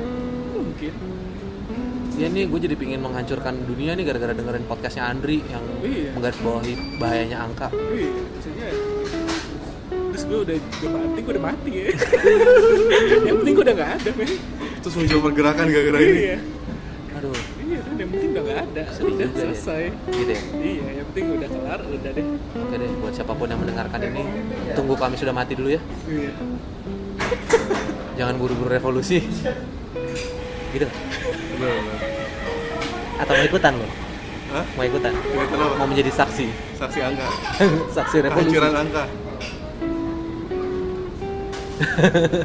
Ya. Tapi serem banget sekarang banyak yang negara bangkrut nih gara-gara angka juga. Ya. Karena nilai kurs itu. karena emang orang bersaing dengan angka nggak ada yang bersaing dengan kualitatif tuh nggak ada. Orang berlomba-lomba demi kebaikan tuh ada hitungannya pasti. Ah lu cuma nyumbang segini. Oh iya benar benar benar ah lu cuman ya kan? Lu cuma segini cuma segini. Sumbangan lu cuma segini. Iya lu jadi berlomba kebaikan pun itu udah nggak sepenuhnya kualitatif. Jangan-jangan lama-lama kualitatif tuh hal yang aneh ya? Hal kualitatif tuh aneh gitu mungkin Ntar- sesuatu yang jadi aneh kalau dia Definisinya nggak bisa ada. dia Dihindari udah kan? nggak bisa Dihindari. diukur dihindari Dihindari. lebih baik kuantitatif daripada kualitatif jadi ntar lu jadi dosen Hmm. kalau nggak TA-in anak orang jangan pakai kualitatif berarti. Jangan ya? Jangan kualitatif. Selama ini gue gitu. Iya kan? Nggak boleh ya? Kualitatif itu apa? Kamu nih pendapat kamu pendapat saya beda. Iya bisa berantem. Bisa berantem. Emang udah ada sih rubrik buat penilaian kayak gitu sih. Iya kan? Cuma nggak make sense. Ya, cuman emang jadi makin kacau aja. Iya iya. Tapi lu memajukan kualitatif juga sulit Me- mengembangkan kualitatif itu sulit jadi Karena nggak yang, terukur. yang namanya selera kreativitas Susah. seni rupa. Iya susah. Nasibnya beradu sama angka. Beradu dengan angka Kuantitatif. iya. Terus ini Tuhan Tuhan gimana? Tuhan. Mungkin suatu saat bisa jadi perdebatan Betul, ya? angka loh iya. Iya. Mungkin kan? Jadi di seluruh Indonesia eh di dunia ini kualitatif eh kuantitatif nilai imannya paling tinggi dia gitu kan iya mungkin mungkin kita nggak pernah tahu ketika manusia udah nggak ada jadinya robot semua kan kayak kata lu tadi kan robot Iya. yang menggantikan nah itu gimana Oke juga ya nanti dicari siapa yang kuanti kuantitatif imannya paling gede dia jadi Tuhan. Iya. Nanti Ada tahun depan dia masanya. kalah kan. Iya. Nanti ada peringkat keduanya naik ke peringkat satu dia jadi Tuhan. iya Eh, ada jadi loh, masanya bisa jadi loh. ada masanya robot membuat robot nanti Iya. Iya benar kan? benar benar. Ini kan manusia sekarang lagi kan AI kan. iya AI kan kan penuh. AI-nya penuh Nah, dia mencari ada percontohan dong pasti. Iya, AI-nya udah bisa berpikir dan segala macam, AI bikin AI lagi. Jadi bikin lebih AI yang lebih jago lagi, dia bentar melahirkan lagi ya, ya udah. Kalau udah semuanya ada begitu, semuanya ada digital, Tuhannya kan Digital. gimana tuh? Iya. Wah digital kan banyak di film-film Ghost in the Shell Iya. atau Matrix, Zion. Ibaratnya nanti suatu hari mungkin emang kayak gitu, mungkin emang jadi Ya. tiba-tiba jadi ada wujud angkanya. Ya nggak tahu lah ya. Ini kan hanya membaca, memprediksi. Tapi memang nyata sih. Nyata ya. Yaudah ntar Logis ya. gua ngelukis kayak gini deh. Hmm? Gua terinspirasi. jadi terinspirasi ya berarti podcast gue ini ya menginspirasi juga angka ya. Iya Tapi kan? gimana ngelukisnya ya? Mungkin lu bisa ngelukis dengan angka Hah? terlalu Lo menilai mudah lukisan lo sendiri aja gitu dengan angka. Selesai. lu tulis lukisan ini lampu segini. Dulu Andy Warhol tuh pernah punya karya tuh lucu banget yang kayak di mainan-mainan. Jadi hubungkan angka satu kedua terus nanti jadi bentuk Hmm. jerapah gitu. Lucu banget. Iya. Gak lucu ya? Biasa aja. di sekarang kayaknya Soalnya yang bikin jadi cute. emang pembawaan dia gitu Lucu ya? Kayaknya emang perlu joke sih, perlu humor makanya viral ditemukan. Video-video bego itu makanya ada. ya karena semua demi angka sesuatu yang viral akan diikutin banyak orang itu menunjang angkanya dia jadi mau nggak mau emang orang-orang yang bergelut di dunia angka ini ya harus begitu. Pilihannya kalau nggak lu ngikutin tren ya lu melakukan sesuatu yang berbeda. Tapi kan yang berbeda ini kan sekarang udah ibaratnya udah abu-abu juga kan. Apa yang nggak ada sekarang?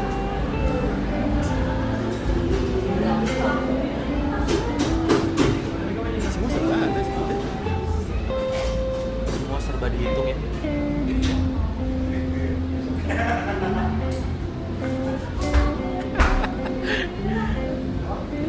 Ya udahlah udahlah udahin aja anjing makin Yuk makan dulu lah. Makan dulu lah, makan. Udah makan dulu. gue makan dulu Makan dulu. ya udahlah ya sekian lah ya jadi apa manfaatnya ya udah ya. Eh, mungkin solusinya nggak ada sih emang tapi kita menemukan satu penyebab dari semua kekacauan ya iya nggak sih kacauan ya Ya. angka Setidaknya dengan tahu penyebabnya kan bisa dicari solusinya ya solusinya. mungkin menggantikan angka dengan apa gitu ya udahlah Susah tapi ya, nyari solusinya susah. Mungkin para pendengar ada yang bisa kasih solusi kan Iya. pendengarnya. Soalnya angka bukan belum ini angka tuh nggak nggak bukan punya manusia ya kayaknya. Atau punya manusia tapi abstrak gitu. Jadi sok gimana ngelawannya coba. Bang, angka dipatenin deh. paten ya eh Angka tuh paten. nggak Punya tahu siapa patennya? nggak tahu ya tapi kayaknya paten ini nggak tahu deh Ya secara kultural dia udah di di paten ini ya Sepakat, disepakati oleh semua disepakati. pendidik. Paten kan berarti ya? pendidikan matematika emang ada beda-beda angkanya. Iya. ya udahlah Tapi nggak ada solusi sih. nggak ada Harus- cuman asik dibicarakan asik menjadi top, eh, menjadi topik itu seru Gitu ya? Endingnya nggak ada ya. intinya nggak ada emang sa- akan selalu kayak gitu kan sih Gitu ya. Iya. Dimulai dari seni rupa, diakhiri oleh angka. iya dimulai dari mempertanyakan seni rupa dan dunia Kreatif. kreatif diakhiri dengan penyebab Penyebab semua turunnya keseksian iya angka seni rupa. Emang lebih seksi angka sekarang ya. iya Sekarang jadi mendingan kita sarankan ke orang-orang yang mendengar ini untuk mengambil jurusan yang berhubungan dengan angka, betul ya kan? Iya. Ambillah jurusan IT, ambillah jurusan IT mungkin digital bisnis, digital bisnis akuntansi ya kan? Angka oh ya angka ya. Angka. Kalau angka-angka ini ditaklukkan, ditaklukkan dan dicari yang benernya apa itu seperti apa seni rupa yang kualitatif visip mungkin mungkin nggak usah. mungkin dosen-dosen matematika S3 harus ngajar seni rupa kali? Mungkin. Mungkin. Tolong diajarkan ke kami. Iya. Mungkin suatu saat nanti seni rupa ada pelajaran matematika. Ba- bas- basically sekarang di ITB uh, coding tuh wajib di tingkat tingkat satu. Coding apa? Coding basic coding aja. IT Oh gitu? Walaupun seni rupa gitu? walaupun seni rupa. Angka karena ITB kan T-nya teknologi bos jadi harus kalau nggak salah mulai tahun ini coding tuh wajib kayak Oh, ya kayak udah. dulu kan ada bahasa Inggris agama sekarang coding. Ntar lagi matematika. Mungkin ya. Kalkulus kan dulu ada tapi buat yang jurusan teknik doang seni rupa nggak kebagian. Sekarang coding aja solid. Tolong buat karya seni yang bisa dikuantifikasi ya. Dan coba memperkuat kualitatif untuk menaklukkan kuantitatif gimana? Kan nggak bisa. Nggak bisa. Ya mungkin suatu saat ada orang yang bisa. Menang kalah kan kuantitatif. Siapa tahu ada ada ada filsuf atau apa pun lah atau siapa pun yang menemukan teori kualitatif tuh di atas segalanya. Maybe.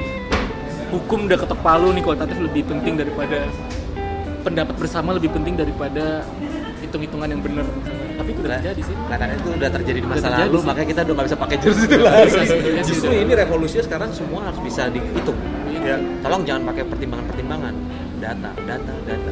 Ya kan? Iya sih. Udah lewat pak, kita terlambat hidupnya. Harusnya kita zaman itu aja. Kenapa kita masih pingin gitu ya? Jadul, kesimpulannya kita jadul. Nostalgia nih. Ada yang salah dengan kita dong kalau itu Kita yang ketuaan. Oh iya Congrats ya guys yang masih muda guys. Padahal tua juga belum. Tua juga belum Tapi sudah tidak muda. Yaudah. Kecepatan zaman luar biasa ya udah udahin aja lah ya lumayan ya anjing ini aja rekaman kedua satu jam aja dua jam ini Ngeditnya gimana tuh? nggak diedit lah sih Semangat ya. Ya udah udah Bye.